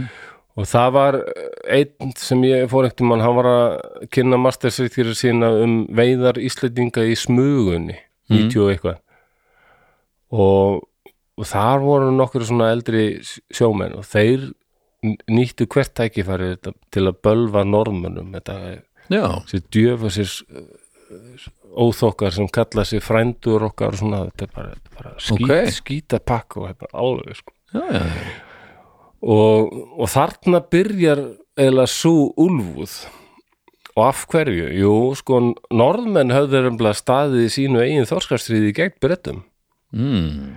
því þeir töldu sína landhelgi vera fjóra mílur en ekki þrjár og Ok. breytar bara að segja nei, nei, menna, það er þrjár mílur allstaðar og, og norðmennu voru bara harðir á þessu og voru með norska strandgæsluna og bara tóku bresk skip Nú, já, við unnvörpum sko ok og á endanum bara semja norðmenn og breytar, ok það er fjóra mílna það fer fjóra þannig mílur hjá norðmennum ok, og Íslendingar segja bara sjá hvað norðmenn er að gera, við gerum bara það sama byrjum hérna að vera norðanland mhm, um, en um, við byrjum já þeir segja við ætlum að færa út í fjóra mílur það, við stefnum að það Mhm. og samt eru norðmenn ekki hreifnir af því þegar Íslendingar ætla að fara að gera nákvæmlega það sama mm. og hérna Af að því að hverju- sko hvað var það? alþjóðdánstólinn hann samþekir þessa kröfu norðmanna að verði fjóra mílur Af, hver- já, ok, það er samt þetta er og Íslendingar bara við ætlum að stefna á þetta líka Já. og norðmenn bara við erum ekki hreifnir af því og ekkert er að segja að Nei, út nákvæmlega- Ah, af því út af því að norðmenn veitu síld hérna í Ísland Tí- mim, mim, mim. sem þeim fannst bara mjög mikilvæg sko. Já, Þarna, mimmi, þetta með þetta mimmi. skemmir dóldi síldarveðina í okkur einmitt, mimmi, mimmi, mimmi ah, ok, þetta er óþólandi og um leið og alþjóða dómstólinn samþykir þess að gröðu normann að bara nokkrum klukkutími setna bara sko bókstaflega þetta er rétt mm það liður svona tvær- tvær klukkustundur alþjóða dómstólinn búin að samþykja gefum bara skeiti frá Íslandi til berska utanríkisraðuneytisins Mm. við viljum fund með ykkur Mm. bara Ísland mhm, og breyta við sem náttúrulega alveg hvað klukkan sló sko, Íslendingar ætla að færa út landhelgina mhm. já, þetta var ekki bara til að spjalla neðan það var samt, Íslendingar voru daldið að taka áhættu því að þeir áttu og hættu að gera útgerðamenn í höll og grímsby og þessum aðal höfnum já, reyða já sem, sem, sem að var ekki gott því að þanga fór Þrjú- fiskurinn svolítið já, þrjár, þrýr, þrýr fjórðu af öllum aflanum fór þangað akkurat og þar er hann stá- oft verkaður og bara seldur þar, fyrir markaðu þar mm og Íslendingar vissu ef þeir loka á þetta þá erum við meira áttar vandaræðum mhm. en þarna þeir ákvað að fylgjast til þrautar þannig er Íslendingar líka átnitóldi fúlir sko já, um, s- sko sjálfur íslenski fórsetisæðar Ólaður Tórs, hann er búin að fara til London til að tala við breyta um þetta Mm. og ekki einn einasti ráð þeirra hittir hann, koma bara ykkur, ykkur undirsátar einhver ráðuneyti stjóra, deildastjórar einhver ráðundum, hitta íslenska fórsættisráður mm, að ræðum þá, bara, þeim varst þetta bara múðgandi já, þannig að það fá bara einhverja litla kalla sko, þetta er hérna mhm, Þannig að í mars 1952 þá er samþygt fjögurra mílina lögsa um all landið mhm, og ekki nómið það að þetta sko, þetta er mælt ekki bara fjórar mílur frá ströndinni allstaðar heldur ef þú hefur til dæmis sko, eins og til dæmis e, Látrabjörg mm Mhm. -hmm. vita flestir hvar það er mhm, og svörtuloft eða hérna ysti hluti snæfellsnesins mhm, og svo Reykjanestáin ef þið sjáu þetta fyrir ykkur á korti mhm þar er alveg lína á milli mennurum já, já, þar er þetta eigin sko allt þar fyrir innan breyðafjörður, faxaflói mhm, þannig að það var oft ekkert verið bara næ, sko eða voru ykkur svona fyrðir sem lágur svona saman Mhm. þá var bara ein lína já, fyrir ofan getur verið að flækja þetta og þetta þótti þetta aldrei djarflega mælt mhm, hjá íslýtingum já, þeir sumstaðar bara, já, við skulum bara hafa þetta langt úti hérna sko já, já já.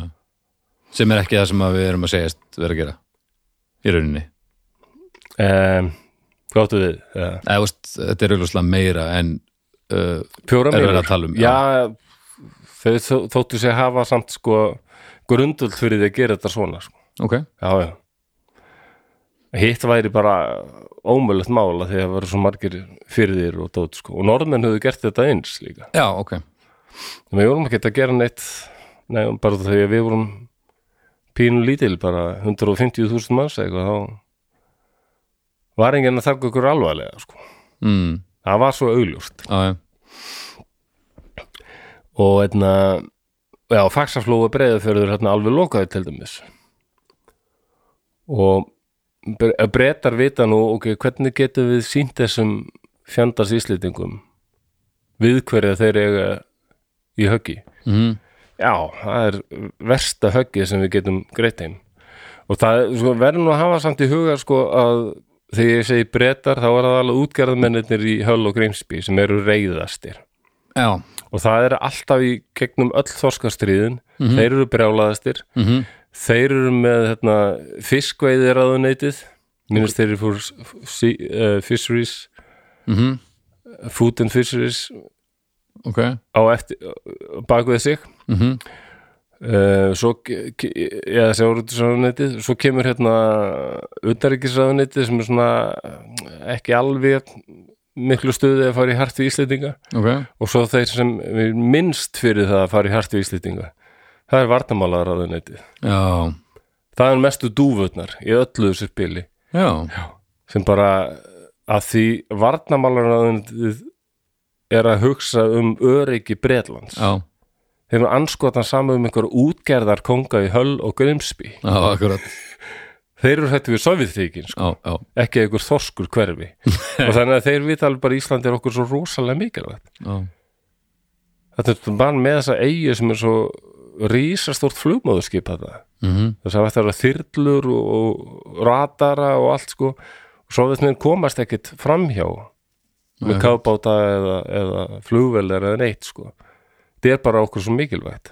Öryggi landsins. já, Og hérna, þannig að þeim fannst þetta bara vera, og þetta er, þetta er vina þjóð okkar sem er með okkur í hernarbandalagi sko. mhm Ef við fara að vera með einhver stæla við þá út á okkur um anskota Já, pínu- fiski. það er pínuð afsatt Já, já. þannig að breski flóttir mála vega það að þeir voru minnst til í þetta. Sko. ok, En, hérna, já, en þeir sem sagt loka mörkuðunum í Höll og Grimsby. Það er sett löndunar bann á íslenska tókara já, sem er ek, bæði löglegt, ó, ólöglegt og, og siðlust, myndi ég segja.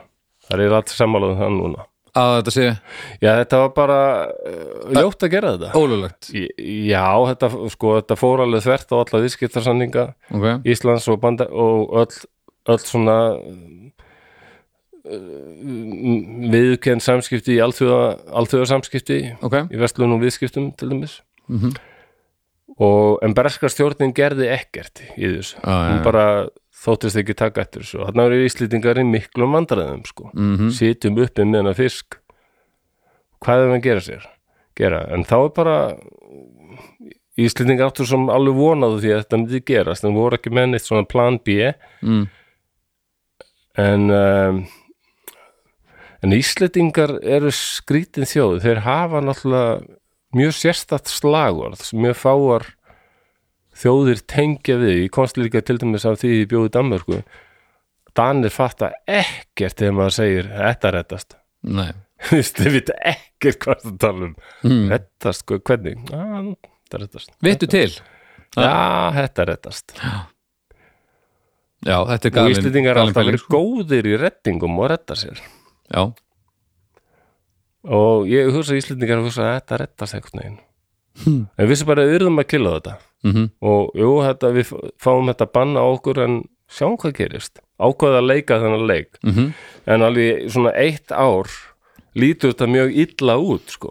alveg í ár já, og með Á, ah, ok, Íslendingum á. tekst að ná sambandi við bretta sem heitir George Dawson George og, Dawson og hann, hann samþykir að kaupa fisk hann var glæpamaður já, Já, já, já, já. já, hann var algjör slúbert sko, en Aha. hann, honum var alveg sama sko, og þá var búið að setja eitthvað löndur að banna, ég bara, ei, ég skal kaupa þetta örmaður, já ok en það fréttist og hann, hann verður bara sko hann fær bara morðhótanir og bara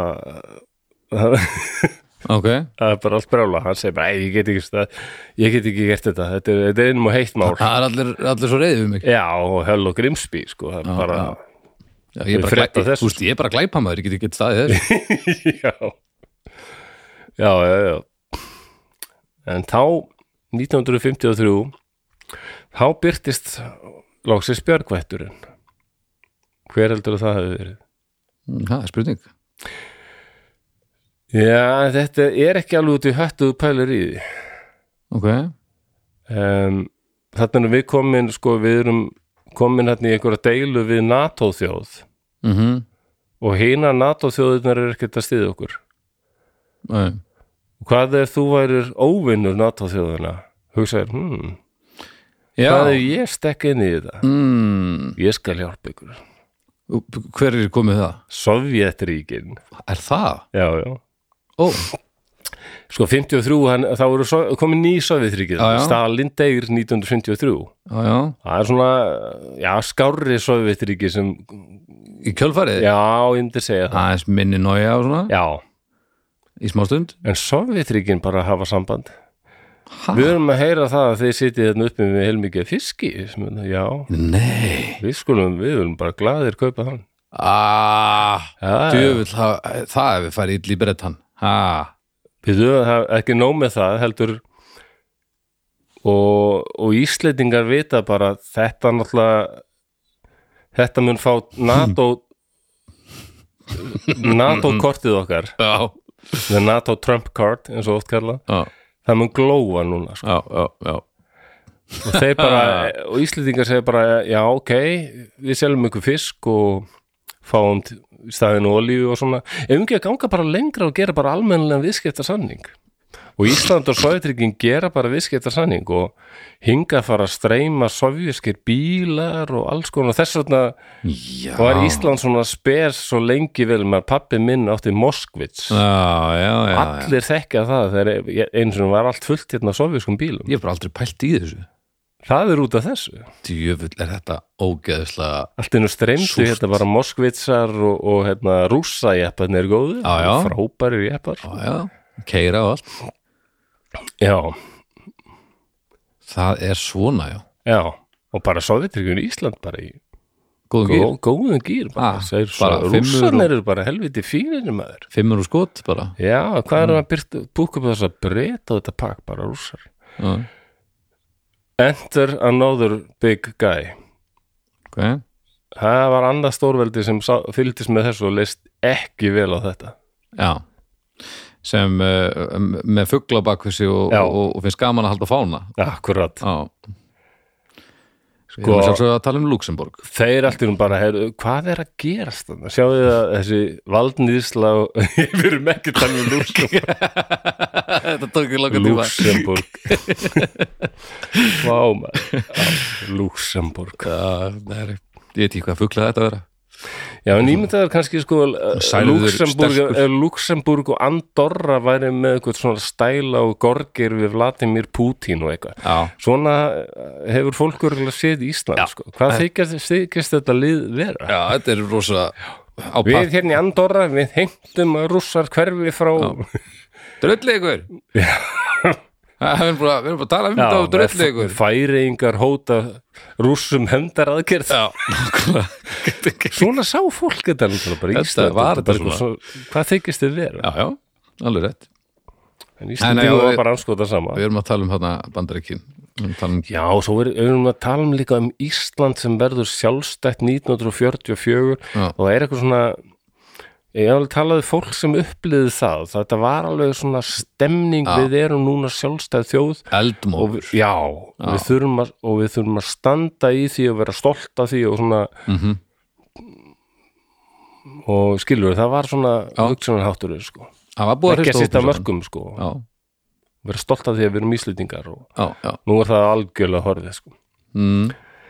Það held ég. En þarna er bandaríkin bara einhver bendir á hérna, heyrðu, við erum að missa hérna alltaf mikilvægan uh, bara Flugvöll. einhver nippur í Dwight Eisen- Eisenhower sem var einn mesta uh, stríðsæti af bandaríkjana, stýrt herjum bandaríkjana í Evrópu og setna voru kosin fórseti mhm.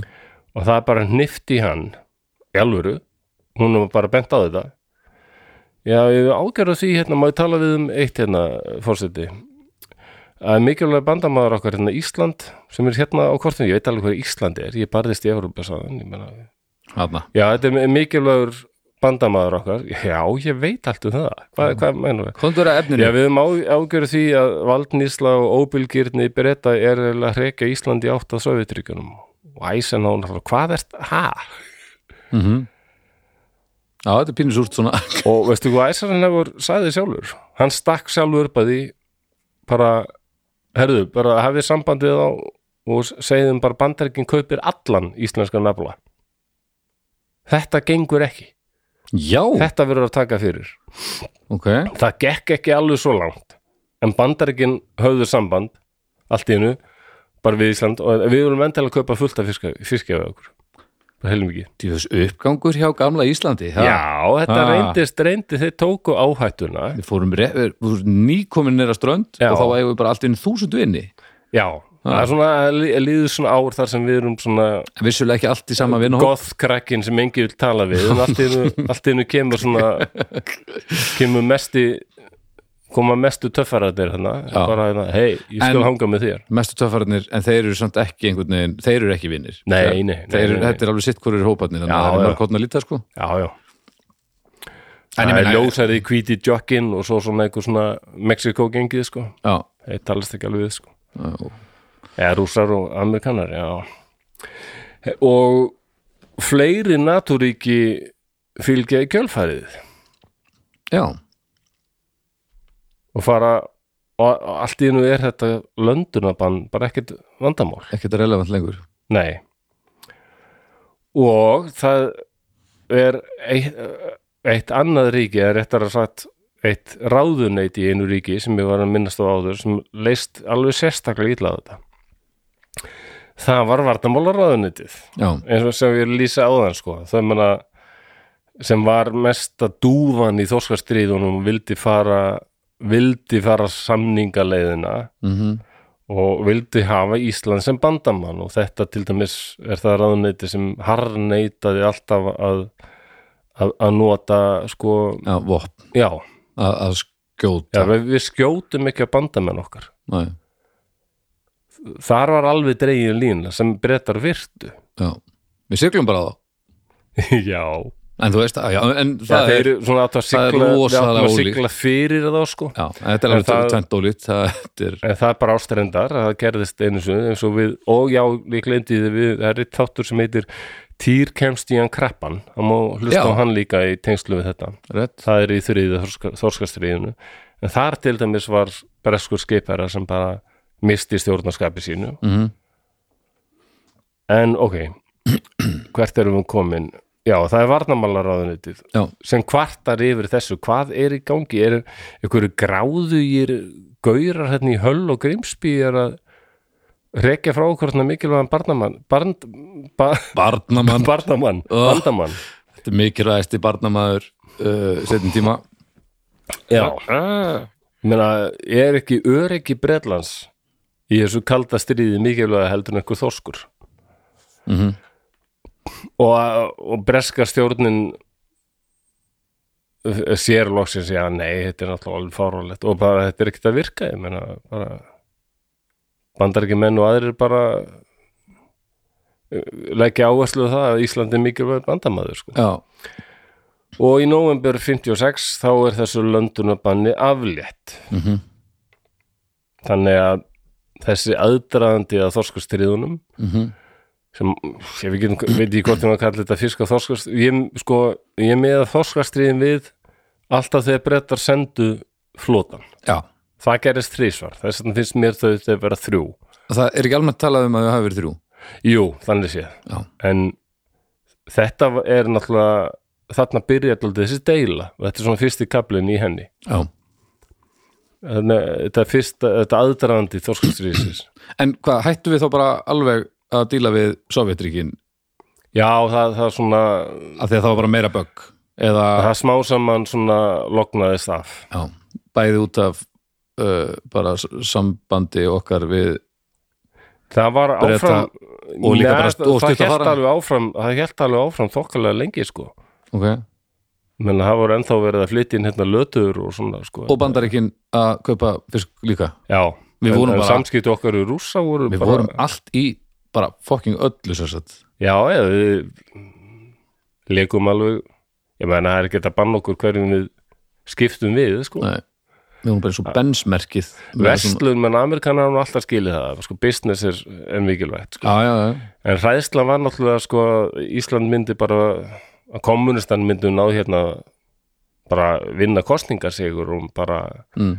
og Ísland myndi bara fara úr NATO skilur Já, það var eitthvað sem já, það var bara ekki, sam, ekki búið sko. Nei. og reykja herin burt það var bara þetta, var mikilvægt líka öryggi bandaríkjana Íslandi er gríðanlega mikilvægt hernaðarlega sko, og er ennþá um, það er alveg á hreinu og ég hef séð skjöl þess efnis að brettar hefðu til dæmis aldrei sætt sér við það ef Sovjetríkin hefðu náð það miklu ítökum á Íslandi að þeir eru fengið að setja upp eitthvað skonar eitthvað hernaðarlegt Nei. bara hið minnsta nei, nei, nei allt Bara of, aldrei. Ég hef séð- allt of, allt of nálægt sko. ég hef ske- sé skjál sko sem er þetta security report um Ísland sko frá breska varnabalaráðundinu 70 Já. eitthvað, Já. það stendur bara feilletrað bara Ísland er territory sem aldrei má vera aðgengilegt Sovjetryggjum, Já, já. aldrei það hefur bara verið tekið fyrir það já, ég skil alveg þá afstöðu það bara hefur verið konar NATO þóttur og bara, við bara hernum minni mm. mm -hmm. Já, það fær allt bara en það, ég sko, það gagnaðist okkur svakalega vel að vera í NATO ég veit í hvernig Já. þorskastriðu farið annars Já, þetta var alveg óbáslegt tromp sem Já. við spiluðum hann það breytti bara öllu sko ef við hefðum ekki verið í hernapantalegin með breytum þá værum ekkert að fara að tala hérna um aðdraðanda og svo þ- aðrir þrýri þættir um þrjú þorskastri Nei, þetta, þetta verður Já, bara þetta- straujað það hefði bara tekið einn hálftíma eða eitthvað Ef allir hefðu mátt þrykja þá hefðu við tapa leiknum það er Já. bara þannig, það er, það er ekkert sérstaklega flókið Nei, það er nefnilega það um, Já, nómur 56 brettar afléttu þessu löndunumbanni Mhm. mm -hmm. sáu það að þetta var bölvi villisa ekki það að útgerðamenn í höll og greimsbíu var eitthvað ánaðir heldur bara Nei, nei. þrýstingur frá þeirra eigin stjórnvöldum þetta Mhm. gengur ekki, þetta er bara verið að hætta þessu mm og þá var allir góði vinnir það sem eftir var Já, Nei nei Þetta var aðeins loknuð undan storminum því að umræða um stækkun landhelgi er orðin háværari háværari Mhm.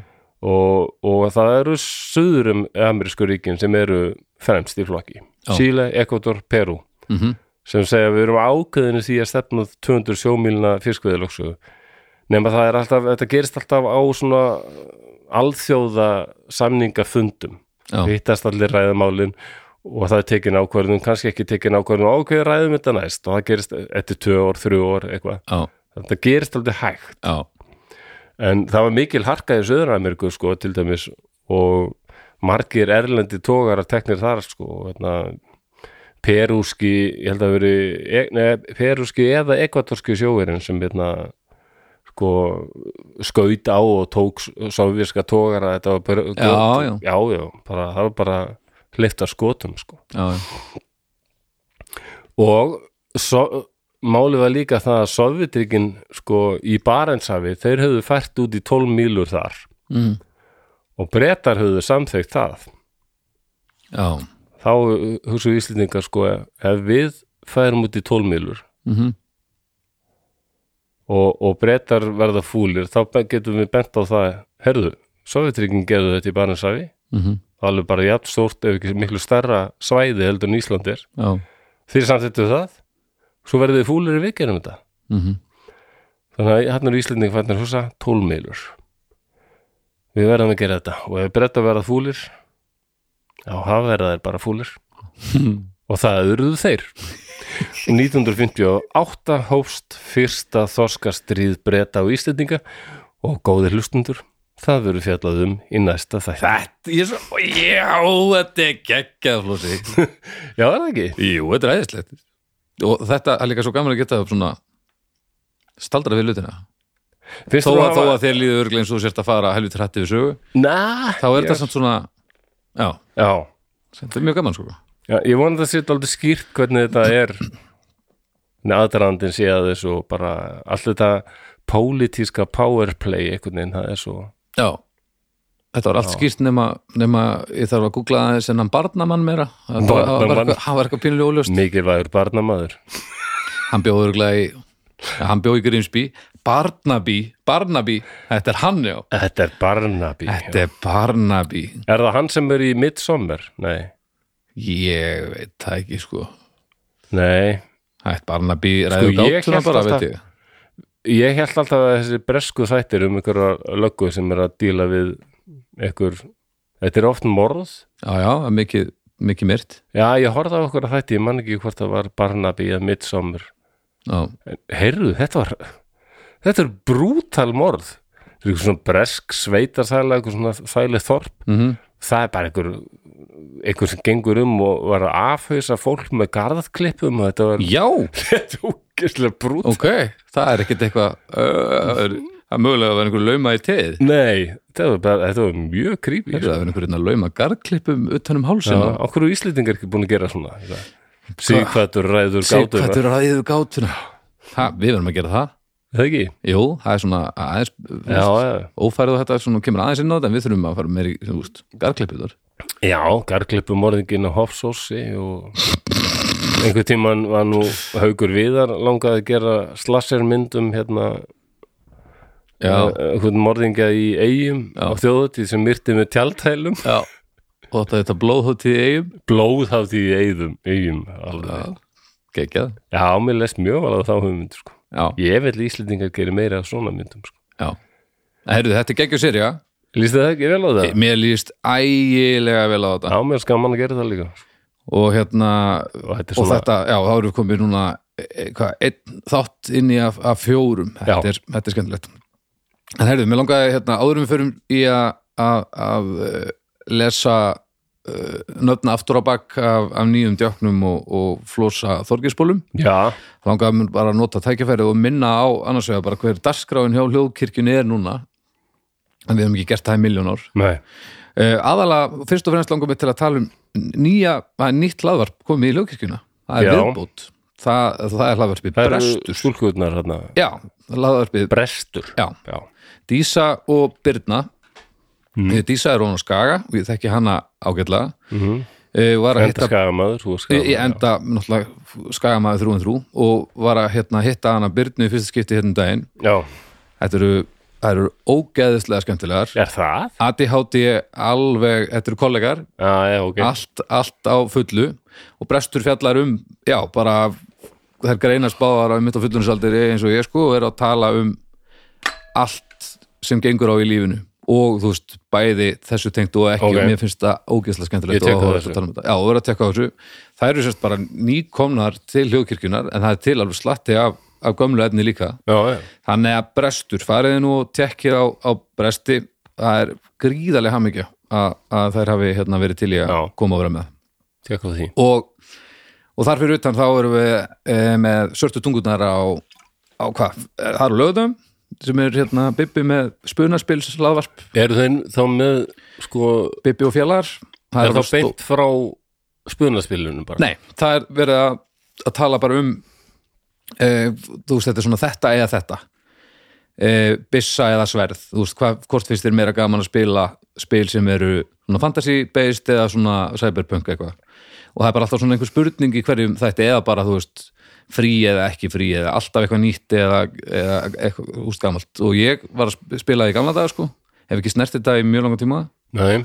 Eh, mér finnst gaman, ógæslega gaman að hlusta á þetta þó ég sé ekki að spila, þannig að tekki ég á, á svörtu tungurna líka eh, Nei, hættu nú alveg, það er alltaf í, í gangi á föstum, Já, Villi og, villi með spurninga já, þetta og Annarsvafa og, og, og Viki, það eru það er svo margir, við erum búin að gera svo marga þætti, það er alltaf miljón ennþá og Eh, byrju annars svá og vikið, eru þau alltaf með eitthvað nýtt fólk samt í heimsókn já, svo koma gestir sko. Já, já. og, og þetta er spurningaþáttur svona á pappirum en a, ekki á pappirum þá er þetta náttúrulega bara skemmtið þáttur, fyrst og já, fremst. já, og að- ógeðslega skemmtilega dótt, besta platan svo er hún alltaf í gangi líka þar sem að þú ert að hafa einmitt að hattast við Hauk, já, hann er hann er, hann er óþólandi þegar kemur á tónlist sko. en stundum erum við alveg algjörlega sammála já, það ger- það verður nú að gerast sko. en Já. hann gerir mig alveg gráhærðan stundum sko. já, já það er, hann veit það örgulega og, og nýtur þessi mjög mikið held ég en svo er það Gnarristan líka sem Já. að er jungnar að, að taka viðtöl og, og ræða um allt og ekkert og ég er húnum þarna til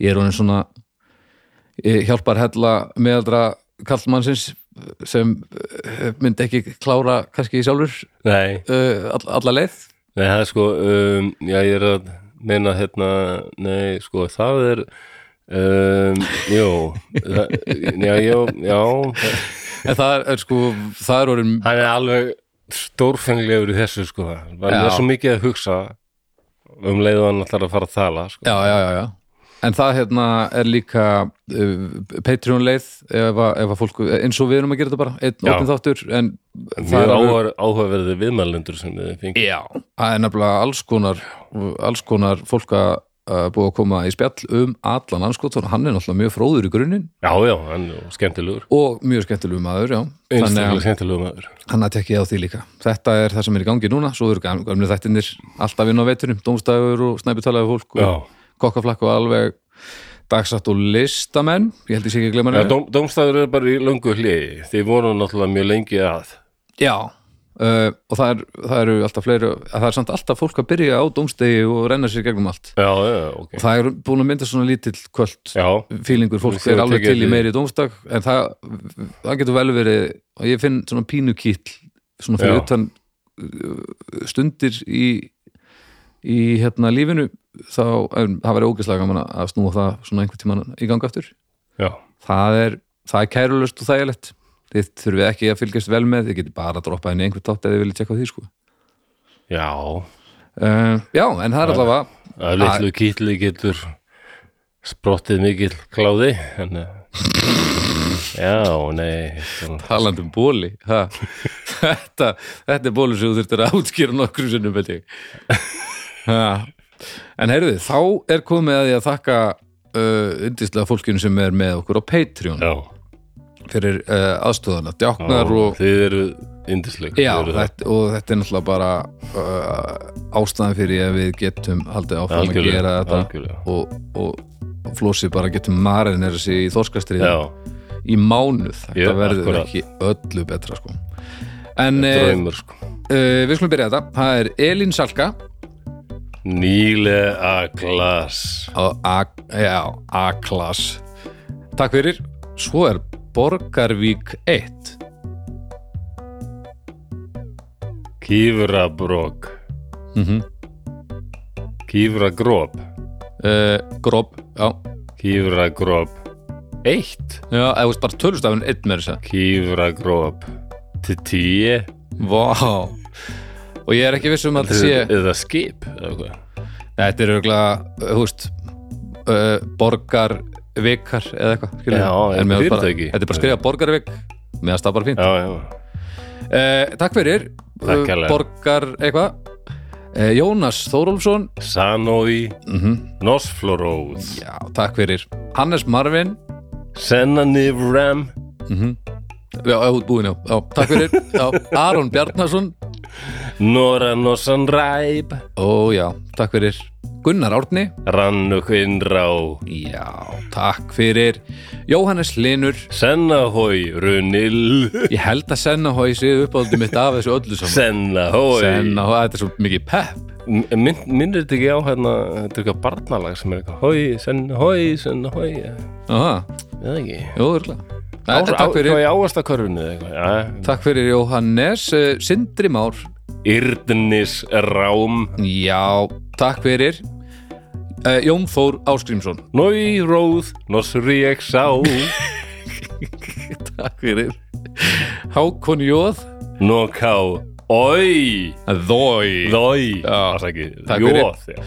Jóhann Hansen Nahói Nosna Tjöfull eru nahójarnir að koma og, og, úst, Sennahói og, og Sennahói. Nahói og þetta er, þetta er stuð fólkið Takk fyrir uh, Elín Einarsdóttir Níle Rittots Raníe Já, takk fyrir Einar Sveinbjörnsson Ranije Svindjörn Rómnjefs Nos Rómnjefs mm, Já, nokkuð gott Takk fyrir Torlendur Magnússon Rödnilrót Nosungam Tjöfullast fljótur þessu, takk fyrir uh, Berglind Siguradóttir Dnilgrep Rittot Ræðrugis Og já, takk fyrir Karl Steinar Garðarsson Lurak Ranjets Nos Ræðrak Mjög gott Og svo að því að við hérna, uh, báðum um þann daginn Ef einhverju hefur ekki heyrt nafni sitt að láta vita Já, Þá er ég hérna með uh, Það eru þrýri viðbútt Nú. Það er, það er sem, uh, sem voru að kvarta Ég er ekki búin að heyra nafnið mitt Nei, við báðum, ég báðum Já. að það eru látið vita Þetta er Nei, ekki sko. kvart, heldur rétt skal vera rétt Já, sko. já, mér finnst bara að fyndið að hvað hvað fólk þráður þetta Já, en ég meina þetta er partur af dílnum Þetta er og þetta er, þetta er líka bara það er gott að heyra nafnið sitt aftur á bak Já, það er líklega holdt og gott með þessa rödd og svona það er bara Það mikið, getur það er verið að það mikið sé bara í þessu. holdt og gott en hérna, Guðmundur Jónsson Rutnum þau nosnói já, takk kærlega fyrir ég, ég held ég fari rétt með að hann sé bóli Nú, mér minnir það ok. og takk Svo, hérna Gerðu þakkir maður. og, já, sent, sent kom uh, sent kom uh, nafnið en kom þó og takk kærlega fyrir að vera búin að vera með Ó, okkur já. hérna, í- lengi, lengi uh, Ólafur Högni Ruffalo Ingu Ó já, takk kærlega sem leðis og afsakað byðina Já. þetta, þetta, þetta er bara stundur svona og Anna Gerilög Anna Gualriek já, við getum ekki, ok, Anna Gerilög Kjartansdóttir Já, Anna Gualriek Rittotsna Træk já, mjög gott takk fyrir þetta var uh, þá uh, slurkurinn í þetta skiptið Já, Takk Það hérlega er aftur vonað að fyrir þið höfðu Patreon. gaman að þessum og ef þið viljið hérna uh, hlusta á alveg ógeðslega ógeðslega marga þætti sem eru til núna Ókíslumaka inn á, uh, inn á hérna, Patreon með örþáttunum, þá held ég þetta séu að verða 100 þættir sko Ég er svo aldeilis uh, þá getið þið fa- fundið hérna hlekk í lýsingu á þættinum og, og kynnt ykkur uh, þau mál og við uh, við kunum mjög vel að meta allir sem eru með okkur á Patreon, af því að já, þetta er það sem gerur okkur kleift að halda áfram að gera þetta en ef þið viljið hins vegar bara halda áfram að hlusta á þennan þátt sem byrtist í byrjun hvers mánar, þá er það alveg uh, alveg jafn mikilvægt líka að fólk sé Já, að hlusta á vissulega, það, vissulega. þannig að bara takk fyrir að hlusta það er nú bara svona, Já, það er nú bara svona í grunninn já og Ef þið þekkið ykkur sem þið tellið gæti haft gaman að þessu endilega benda þeim á þetta Endilega. Svo minnum við á yeah. draugafortíðar umræðu hópur Já, inn hann á er, já, Facebook. Það margir þar er mikilvægt plás. Ég, menna, ég er ekki búin að kíkja núna. En Þessi sko, fleiri en 8000 sko sko nei, Ég þetta, maður ég var forviða það þegar hann vantaði var þrjá orðinn. upp á að þetta er því uh, 8000 í gær. Vá, Þannig að nú ætla ég að athuga, ég er ekki vissum að þessi ég man komið að ég yfir sko. var alveg forviða þegar hann fór sko yfir 1000 á sínum tíma Á, Ah, það vant tóa núna. Það er, Vá. við erum með 7998 Já, hérna er, sem er geggjað og fólk er að, að posta alls konar áhugaverið út til það er frábært Þannig að þetta er, þetta er gott stuð eh, Eitthvað annað sem þú mannst eftir Nei, er Nei. hann ekki bara hlakka til að uh, Lakka til að heyri ykkur í næst Já, ég heyri náttúrulega ekki í þeim Þú gerir það ekki, ekki ennþá Lakka til að láta ykkur heyri í mér í næstu viku Eða okkur Hljóma eitthvað Já, já, já, Já, þetta er ekki aldrei svona ég já, þetta En eh, já, bara Lakka til að Lakka til að láta ykkur heyra mína eðislu rödd í næstu viku Vá, Já, ég, ma- ég er kannski Passa mig að vera ég er ekki eins og vissum við útvarpsmaður. ekki vissum við náum upp í 8.000 úr þessu Nei, þetta er búið, þetta er búið En Nei, já, ég var bara að grínast, ég verð aldrei svona góðu með mig Þannig ég mun aldrei ná því nei, ekki með þessi veikindi náttúrulega. Það er- Nei, blessa þunglindi Blessað sem þunglyndi. heldur mér á tánum Já. Ef ekki verið þunglindi það ætti ég enga vini En hérna uh, Meira þorskastrið inn á Patreon eftir viku Já. uh, Annars bara heyrjust eftir mánuð En hafið það óbúslega gott og, og, og, og sjáumst, heyrjust næst uh, Bye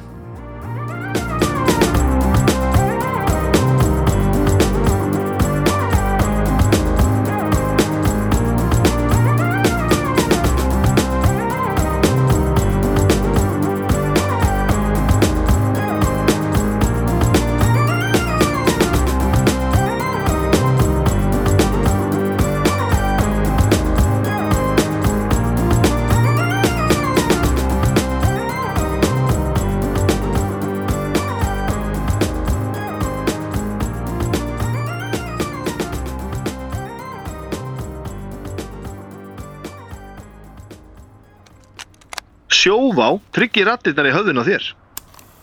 Sjóvá er sérlegur bakkjarl hljóðkirkjunar.